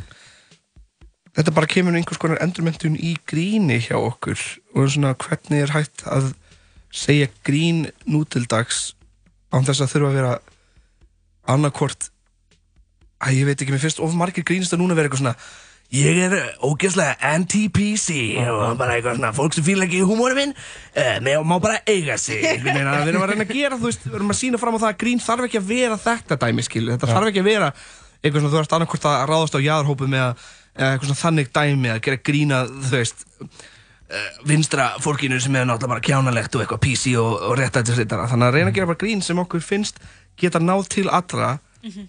á þess að taka einhvern annan niður held ég Já. Og síðan svona thematíst erum við að fjalla um eitthvað svona uppeldu okkar og Já, og, alveg nú til, þangað til deginum í dag, einmitt. Já. Já. Þannig að. Stefán Ingvar fjallar um Ég fjallum að vera alltaf fullur og skakkur Og hætta því síðan. Hætta því síðan. Já, já, já, já Og hætta því síðan. Það er ákveðið ferli Byrja bara upp í standum mitt krakkar Ég er fullur og skakkur Akkur Ekki ætlast til neins af mér. En nú er ég hættur. Þannig þú ert best að fjalla um að vera fullur skakkur. uh, Já. Já. En þú, Vili? Uh, ég tala eiginlega bara um að aðlast uh, íslenska samfélaginu eftir að hafa flutt hingað frá Portugal 2008 Mhm.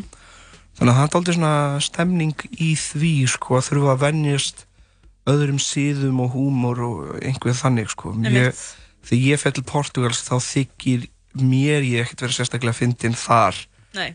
kannski öðru, ef ég var með uppeistand í Portugal ég veit eiginlega hvernig mér myndi ganga þar maður búin að venjast svo mikið svona íslenskum lífsætti ég er með allt öðruvísi venjur en kannski portugalska fjölskylda mín. Og ég held að það komið með mest í ljós þegar ég fór þarna síðasta árið og ég hitti vinkunum mína og ég heilsaði hana bara skilur ekkert knús eða eitthvað þannig.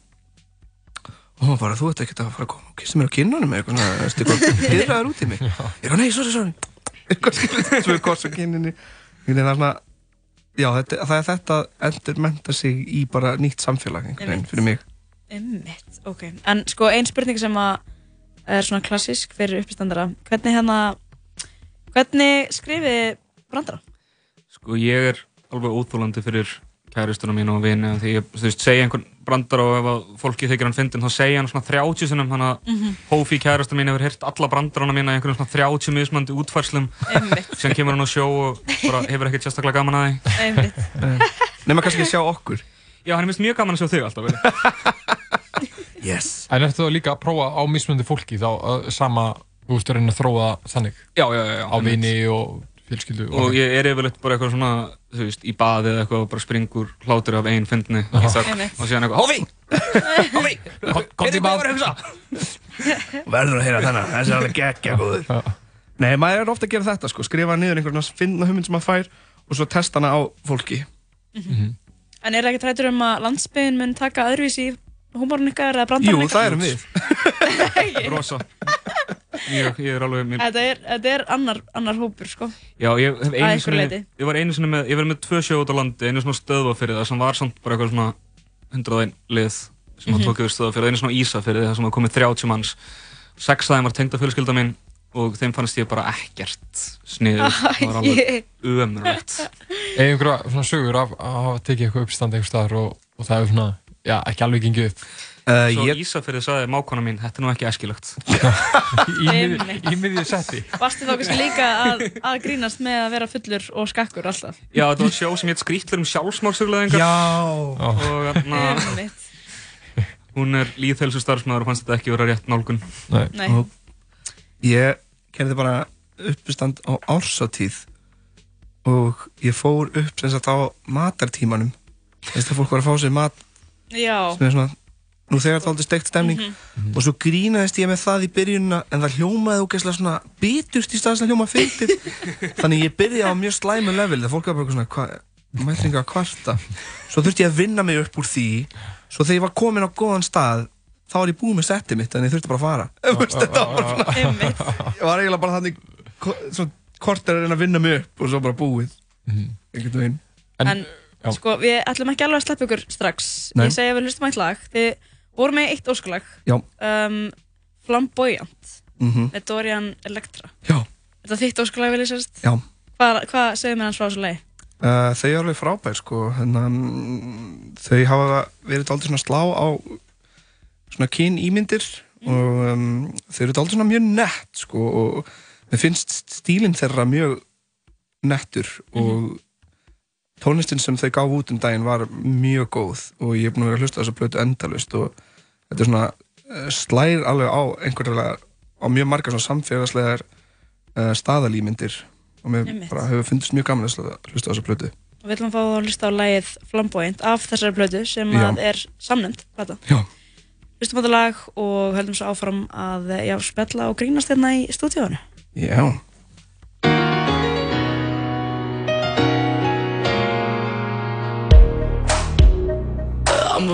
a very flaming flammable guy. Some say my fire burns way too hard. Some say they find me too hard to touch. But I, I think it's not enough. Don't tell me what to do. Don't tell me what to say. You know I like it loud. Cause that's the only way. No taste for subtlety. And no time for restraint. Now, I go all the way. I'm flamboyant. I go all the way. I'm flamboyant. I go all the way. Flamboyant. I'm flamboyant.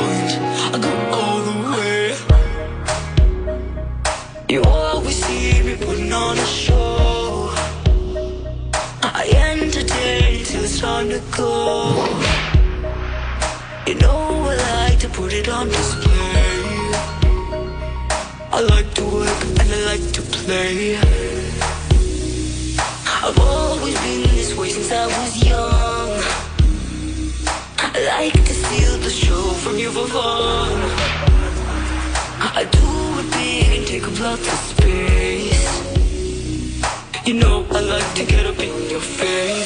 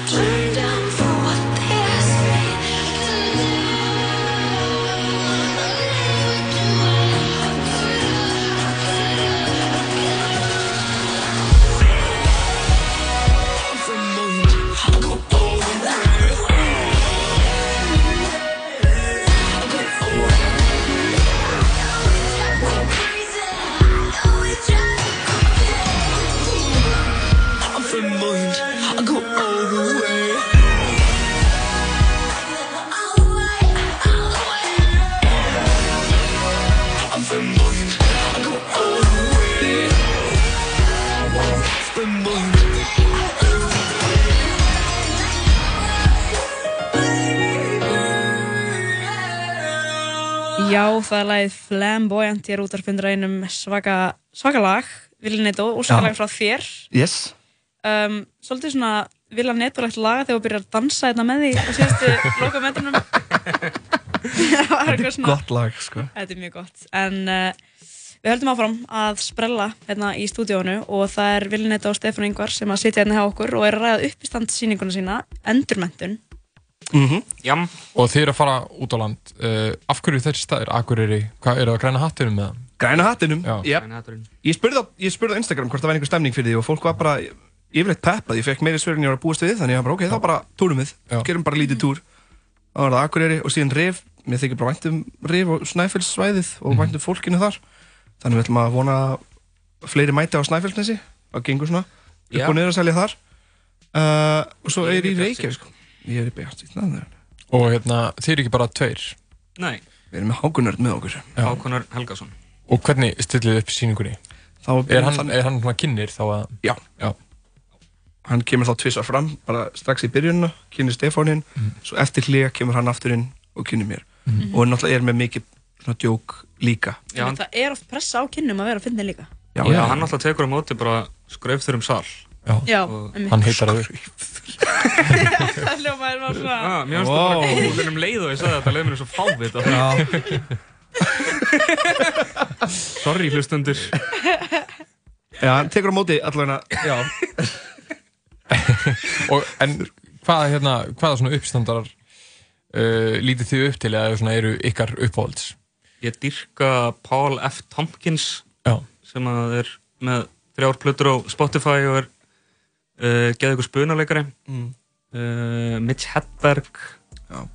og ég fyrir líka mikið Mike Bir- Birbilia Já. Mike Birbilia sem er svona mjög mikið svona sögum með það uppistand þannig að hann er bara svona rosalega næmur fyrir sjálfum sér og fólkinu sem hann er að tala við og hann segir rosalega persónlega sögur á mjög fyndan hátt og það hafa einhvern veginn svona mjög mikið svona lífslærdum að draga úr, úr þannig uppistand sko. Já, það er oft mjög stutt hjá honum bara á milli þess að þetta sé innleikur og Algjörlega Ég hlustaði á einhvern innleik með honum og það er bara uppistand sko Já, Já. svo líka Dimitri Martin sem er mjög fyndin gaur, mjög steiktur Mhm. er mjög fyndin og Hannibal Buress líka ógeðslega fyndin. En sko, ein spurning hérna og, og það er erfitt að svara þessar spurningu af því ég sjálf þurft að svara henni Hvað finnst ykkur fyndið? Vá, maður. Mér finnst skrítið dót fyndið bara e, eitthvað sem er gjörsanlega úr samingi við það sem er að gerast. Mér finnst það oft rosa fyndið. Ég veit ekki hvort einhver hérna fór á djókerinn. Mhm. Já, já. Já, já, það var eitthvað eitt aðrið þar sem ég svona sprakk úr hlátur og það var bara svo innilega steikt. Vá, ég Mhm. tengi svo mikið. Að, að, Málum með jokerinn að ég tengdi svo mikið við að verða smá joker inn í mér líka. Þú veist að hlæja á stundum sem ég átti ekki að hlæja. Já, já, já. Af því maður er bara eitthvað, er skrítið eitthvað Já, hérna. já, nákvæmlega. Mér finnst þarna sko, mér finnst mistök Mhm. og tragík vera mjög fyndið og ég þarna hugsa mikið um mistök og misefnun í mínu eigin fari Já. og það er af nógu að taka Er það eitthvað gegnum gágandi hjá þér? Já, þú veist Eins og hvað? Sex ár í mentaskóla Já. og þú veist, ég einhvern veginn ólst upp við eins og allir okkar kynnslu einhverju svona svakalegar kallmennsku ímyndir sem ég var alltaf að, þú veist, mistakast að uppfylla Já. uh, veist, ég æfði aldrei hennar íþróttir af því með lausa augastöðina að uh, bortennis og ballett og ég var alltaf svona einhvern veginn hálfpartinn utangarðs Mm. þess vegna og af því að ég er félagsvælinn um almenna kvíðaröskun um, Já, lífið mitt er að vera erfitt, krakkar Þetta er uppistandssettið, það er bara þessi langt niður í þunglindi í neyslunni Þannig að, já, þú, þú er með fulla könnu af vandamáli sem hellir yfir salin. Hellir yfir á Já. Mjög óæskilegt eins og mákona mín segir Já, já. Bara dílið við þetta, dílið við mig. En segja okkur eitt, hvar hérna er hægt að nálgast miða og upplýsingar svona um síningarnar? Það er þetta nálgast í á tix.is Já, Tix. Frábær með að vita Frábær með að vita, eh, það var bara að farið á tix.is og skellið inn endurmentun Yes. og þar koma fram síningarnar Og þeir eru ekki Líka bara, Facebook. já, þeir eru ekki bara hérna út á landi heldur ætli þið að, eða Akureyri og Rif, þeir ætla að koma svo í bæinn, hvenær? 2003, bara núna á laugardaginn. Þetta er bara, þetta er bara að vera bara 15. fyrsta lögadar. Yes. Þetta, við pældum ekki í því hvað þetta væri mikið marathon bara fyrir en í, í dag Já. Þá fór ég að hugsa um þetta og svona, ah, þetta er heilmikil vinna. Síðan uppleif maður líka allt svo mikið tómleika eftir sjó þannig að ég held að ég eigi eftir að vera alveg ómögulegur á laugadaginn sko. eða á sunnudaginn. Já. Nei, á laugadaginn verið geðveikur. Já, á er þið þetta- komið að sjá Það verður sjúku gýri á laugardaginn, það gengur mjög vel að selja með það í Reykjavík og við verðum á Keks Hostel Einmitt. og það verður mjög mikil stemning held ég, sérstaklega því það er síðasta sýningin af endurmentun, svo eftir það ætlum við bara að skrifa nýja brandara. Já, já, já. Glæsilegt. Ég hérna bara gangu vel og keirið varlega. Við. keyra það ekki? Ég kann ekki keira, Stefán kann að keira og Hákon líka Já, við tókum Jaris á leigu Ymmit. Mjög Nagladekk og, og til heila bara. uh, Ég vona það Já. og síðan tókum við tryggingu líka Ok. Svona viðbóta tryggingu Ég mælu með því. Ég hérna Það er eins mælu gott. með að taka tryggingu. En stráka, takk hella fyrir komuna Takk fyrir okkur Takk fyrir okkur og bara gangu vel. Bye.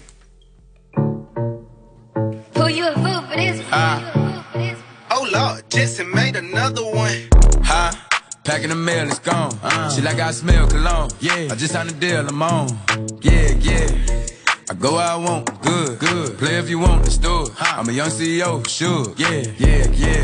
The first nigga play on my body, a nigga. I just check my balance, I probably pull up to your hood and come buy me a nigga. No cap. You know that your hoe told you that nigga crazy. Don't think that she lied to you, nigga. Bitch. Get caught with your hoe when I'm popping them both. Now they hot just like Bobby and Whitney. You say I'm the GOAT, act like I don't know. But fuck it, I'm obviously winning. Don't make me go hit the bank and take out a hundred to show you our pockets is different. I'm out with your bitch and I only want knowledge. She got a little mileage, I'm chillin'. You disrespect me and I beat your ass up all in front of your partners and children. I'm the type that let nigga think that I'm broke until I pop out with a million. And take 20k and put that on your head and make one of your partners come kill you. Yeah. Say fucking with me, then he gotta grow up. Cause this nigga gotta be killed. kid. This shit can't fit in my pocket, I got it. Like I hit the lottery, nigga. I slap the shit out of nigga. No talking, I don't like to argue with niggas. I don't. Ain't gonna be no more laughing. You see me whip out, cause I'm gonna be the shot me a nigga. No cap. I don't follow no bitches on IG, but all of your bitches, they following nigga. And that little nigga ain't gonna shoot shit with that gun. He just pull it out in his pictures. Bitch. Uh, huh? Packing the mail, it's gone. Uh. She like I smell cologne. Yeah. I just signed a deal, I'm on. Yeah, yeah. I go where I want, good, good. Play if you want, let's do it. I'm a young CEO, sure. Yeah, yeah, yeah. Huh? Packing the mail, it's gone. Uh. She like I smell cologne. Yeah. I just signed a deal, I'm on. Yeah, yeah. I go where I want, good, good. Play if you want, let's do it. I'm a young CEO, sure. Yeah, yeah, yeah. Talking about shit, I'ma pop that. Got like 32,000 in one of my pockets. The other one, that's where the Glock at. You little nigga wanna be in that gangster, man. Tell all these little niggas stop that. He done burnt me a nigga in front of the store where your mammy and grandmama shop at. I out on a whole nother wave on these niggas. Let's see one of these little niggas top that. I turn a nigga into a convertible. Push me a little nigga top back. Her boyfriend be hating and calling a groupie just cause she like all my music. She'll send me a text to delete the message. She tryna find out it's confused. I don't know what these niggas thinking about. Use the brain on your head for you lose. I pull up at the school and I teach her some shit. Tell your bro I'm a motherfucking tutor. Remember I used to cheat off a pretty bitch test. All the teachers they thought I was stupid. Uh-huh. Was expecting the box to pull up on the truck, man. This nigga pulled up on the scooter. Fuck. Huh? Packing the mail, it's gone. Uh-huh. Yeah. She like I smell cologne. Yeah. I just signed a deal, I'm on. Yeah, yeah. yeah. I go where I want, good, good. Play if you want, let's do it. I'm a young CEO, sure. Yeah, yeah, yeah. Huh? Packing the mail, it's gone. Uh-huh. She like I smell cologne. Yeah. I just signed a deal, I'm on. Yeah, yeah. I go where I want, good, good. Play if you want, let's do it. I'm a young CEO, sure. Yeah, yeah, yeah. Já, Shug the Baby. Ísak, fílar þetta lag? Uh, já, nokkuð gott. Ég testa alltaf sko þig, þú veist, ég er alltaf spyrja hvað lag og svo, hvernig fannst þér þetta lag? Hlustar mikið á Young Nico? Já, er ég einhver svona orðin einhver mælikvarði? Já, þú ert orðin svona hinn almenni mælikvarði. Mitt. En það var mjög gaman að spjalla við strákuna. Já, þeir halda nú út í óvissuna, leið norður. Þannig að þeir sem eru að hlusta fyrir uh, norðan geta að tjekka á þessari síningu. Já. Uh, endurmentun. Það er aldrei, nei, það er aldrei leiðilegt á, á Það er aldrei uppistandi, gaman. sko. Það er aldrei gaman á uppistandi. Maður mætir uppstand og maður er tilbúin að hlæja. Þú veist, maður er svona, hm, Já, byrjaður þetta smá. er þetta er svo mikill munur, þú veist, ég held að sé líka bara fyrir uppstandarana er þetta oft svo mikill munur að, þú veist, þegar fólk er mætt til þess að hlæja, þá of, fer fólk oft bara að hlæja, sko, úr því ég sé bara Ara Eldjátt stíg upp á sviðið eða einhvern, og fólk er bara að byrja að hlæja þegar hann er að lappa upp, sko, Mhm, einmitt. þannig að fólk er svo, til í veist, grínið. Þetta er líka svo mikið sko mindseti sem maður tekur með sér þegar maður er að mæta, skilur Mm -hmm. að því annarkvort ertu bara eitthvað, djúðir til í að sjá Ara Eldjátt, neða djúðir til í að sjá hérna, Stefán og Villa bara eitthvað hérna, grínast Já, já. eða þú getur verið eitthvað já, ég, veit, ég hef náttúrulega ekki séð það áður kannski eru þeir ekkert fyndnir Já, já. skilur, og þá ertu bara mjög líklur til að vera alltaf að endur skoða alla brandarna Já. í staðin fyrir að vera bara geð til í að vera bara já, Einmitt. ég fyndið Svo er um uppstandur alltaf að taka eitthvað svona, frekar erfið gig, bara eitthvað águrum, águrum ársáttíð þar sem allir eru orðnir hauslausir og villusir, sko. Einmitt. Við náttúrulega erum búin að vera með smá uppistands með Já. en við tölum nú ekki mikið um uppistandi sjálft þar sko. Nei, hann er svona meira með fyrirlestur, Bergur Já. Eppi. hann er hérna uh, hann er hættur að grínast Nei, ég er Já. þetta, hann er alls ekki hættur að grínast hann er steinhættur því. en uh, það var gaman að fá strákana einhvern þeir hérna eru með eiga það, þeir eru fyndir, skemmtlir og fyrir, fjörkálvar heldur betur uh, það er kannski já, við rættum það ekki í útvarfinu en það er búið að koma fram með eitthvað á samfélagsmiðlum og ríkil mikið leynd yfir því en, en hérna það er einhver sjónvastáttur sem er í bígerð sem tengist eitthvað vilja netto sem heitir Hver drap Friðrik Dór. Uh, ég tók, tók eftir þessu á Instagram í ger uh, að það er verið að framlega einhverja sjónvastætti sem heita það. Þannig að það er spennandi að sjá að sjá hvað verður úr því sko. Já, ég meina, þú veist, það, verður, það er alltaf gaman að sjá hvað nýtt og fresh sko. Já, við En- kannski heyrum eitthvað gott lag með Freyka Dór í tilinn þess. Er það ekki? Við ætlum að fá að í eitt gott lag sko. er, Þau eru mörg góð Friðrik Dór Mæja það hann er með fullt af neglum sko. Já, ég bara hefur Freyka Dór gefið út eitthvað lag sem er ekki negla. um, Það er samt, jú, jú, þau eru alveg til sko. En þú veist, það er spurning hvort mér finnst það En það er stundum mér finnst það okkur fólk er bara, hvaða lag er þetta? En sko, persónlegt uppáhald hjá mér Það er platan Velrætt Ok, Þar eru mörg góð lög Við hérna, þú máttu velja, ég ætla að gefa þér tvö lög ok. Við erum með hérna uh, Út að heimsenda Mhm. Og við erum með maður ársins Já, ég held ég velji maður ásins. Það er. Hvað fólk, uh, já, ég segi bara fólk, uh, ef þau eru að keira, gefið aðeins í. Gefið aðeins í. Ekki fara yfir hámarsraða, en gefið aðeins í. Já, og bara, bara spenni beltin Og uh, haldið fast utan á stýrið Mhm. Kristi stýrið alveg mjög vel Eða ef einhver situr hliðin á þér, horfið augun á honum, Og kist hann á munnin kýst hann á munnin, legðu fram hendina og kristu hendina á honum. Og ekki skipt um gýr þannig til að lægið er búið. En við ætlum að fá að lista þetta lag Maður ásinn, þetta er lægið þitt, kæri lustandi Hækkaðu vel. Suma dag er eins og allt sé að. Ég vil bara komast burtu frá þessu öllu saman strax. Aðra daga þakka fyrir allt. Tækifæri til að fá að upplifa svo margt Suma daga er ég maður ásins Erfitt að komast eitthvað hærra Að komast eitthvað hærra. Aðra dag er allt saman til einskis Erfitt að komast eitthvað lægra Að komast eitthvað lægra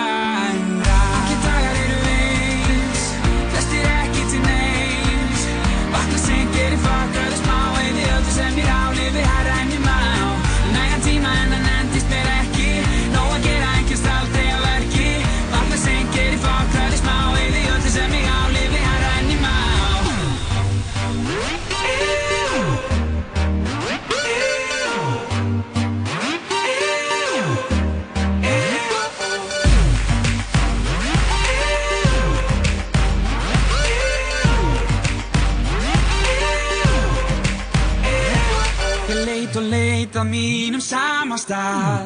En ég virðist alltaf enda aftur hér á sama stað.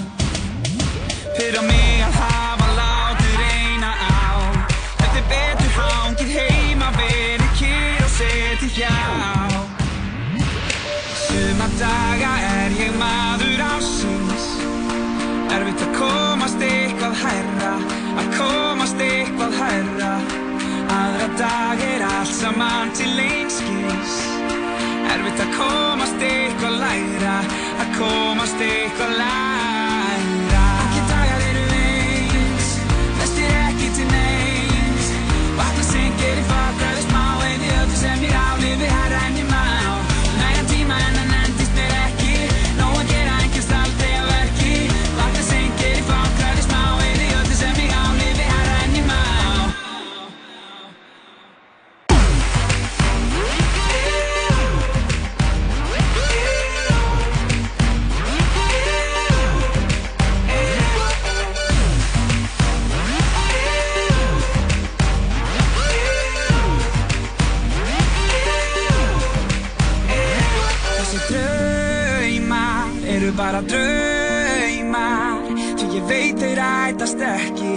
Veit þeir ætast ekki Ekki nýtt, ekkert hærra. Allt er eitthvað sem ég þekki Allt er eitthvað sem ég þekki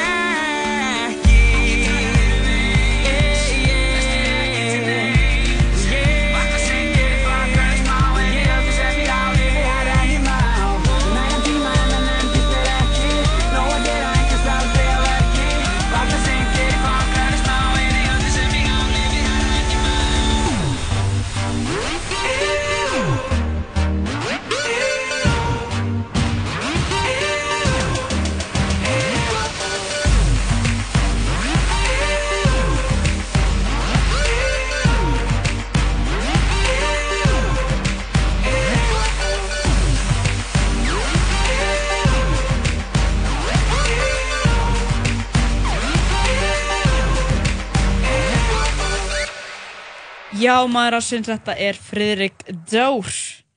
Engin annar... Uh, En hver draf hann? Það er stóra spurningin. Já, hver draf fyrir Þór? er, er það ekki stindið það? Jú, ég myndi halda það. Þetta er náttúrulega, segir sig kannski sjálft. Nei, ég veit það ekki. Ég veit það ekki. En Ísak, það er komið að loka með okkur, okkur í dag. Jú, Byrna mín. Þetta er búið að vera frábær samverðstund hérna og ég vona bara að það hafi verið, já, líka frábær stund fyrir þig, kærlustandi. En eh, við gerum ímislegt í dag. Uh, jú, við, þú fórst og hittir hann uh, Unnar. Já, ég hitt hann Unnar Helgason og við tölum um endurheimt og ofþjálfun og munin á ofþjálfun og of mikið í þjálfun og Og mikilvægi þetta- þess að kvíla sig. Já, mikilvæg þess að kvíla sig og bara kvíla sig vel að bara, þú veist, gera bara mikið úr því að kvíla sig, ekki bara eitthvað gera lítið úr því Ég ætla, í sundu eftir og kvíla mig þar. Já, mér líst vel á það uh, Spurning hvort að það sé samt einhver endurheimt falin í þeirri sundferð Veit það ekki alveg, Nei. kannski bara fyrir hausinn Það getur, Já. verið En uh, það er hægt að finna þennan þáttinn á Spotify og en á Apple Podcast undir heitinu aðeins meira bara Jim Unnar Helga sinni Þetta er bara, bara þannig, ekkert flókið Svo komu þeir Vilhelm Netto og Stefán Ingvar og hættu síningunum sína Endur Mentun sem er að fara uh, til Akureyrar, að græna hattinn og rif á Snæfellsnesi og svo enda þeir hérna í bænum á laugardaginn. Já, þeir taka lítinn túr og leggja stað á morgun og þetta verður bara fjör. Mikið, uh, mikið grín og mikið gaman. Já, og svo er náttúrulega ár í dag síðan uh, Bára Halldórsdóttir tóku upp uh, Klausturs Þingmennina 6 uh, uh, súpa á einum gulum eða nokkrum gulum, eða þó Já. nokkrum. Uh, og þeir já, letu stórar falla. Já, já, Eh, Þetta er náttúrulega, já, bara stór dagur fyrir íslenska stjórnmálasögu Við Pældu munum- í þessu. Ég held að, þú veist, bara eftir 50 ár þá munum við líka minnast þess þegar þetta átt sér stað. Heldur það ekki? Já, það gæti bara vel verið sko. Ég held að það sé bara hár rétt þér. En þetta er bara búið að vera mikil veistla hjá okkur í dag. Já, ég hveti kæra hlustandi að taka upp eitthvað samtal þú kannski fer heim og eftir og takir upp eitthvað samtal í, í svona nokkra klukkutíma og, og hérna og berð það svo með þér. Já, og kannski getur þú notað það gegn einhverjum einhver tíman. Já, ég meina, fara að krefja fólk um, um einhver svör eða spurninga Eða peninga. eða peninga. en uh, við fyrir ekki lengra með það í dag og við ætlum bara að slaufa þessum þætti. mm Með einhverju góðu lagi, jafnvel. Já, við hlustum nú oft á góð lög en hérna er eitt neglulag. Þetta er uh, Tveir góða vinnir, Rihanna og Kendrick Lamar með lagið Loyalty. En eh, Ísak Henriksson, takk hella fyrir í dag. Já, sem leiðis Verðum þetta samtíma á morgun og Ingeborg Íða verður þá líka með okkur. En takk í dag.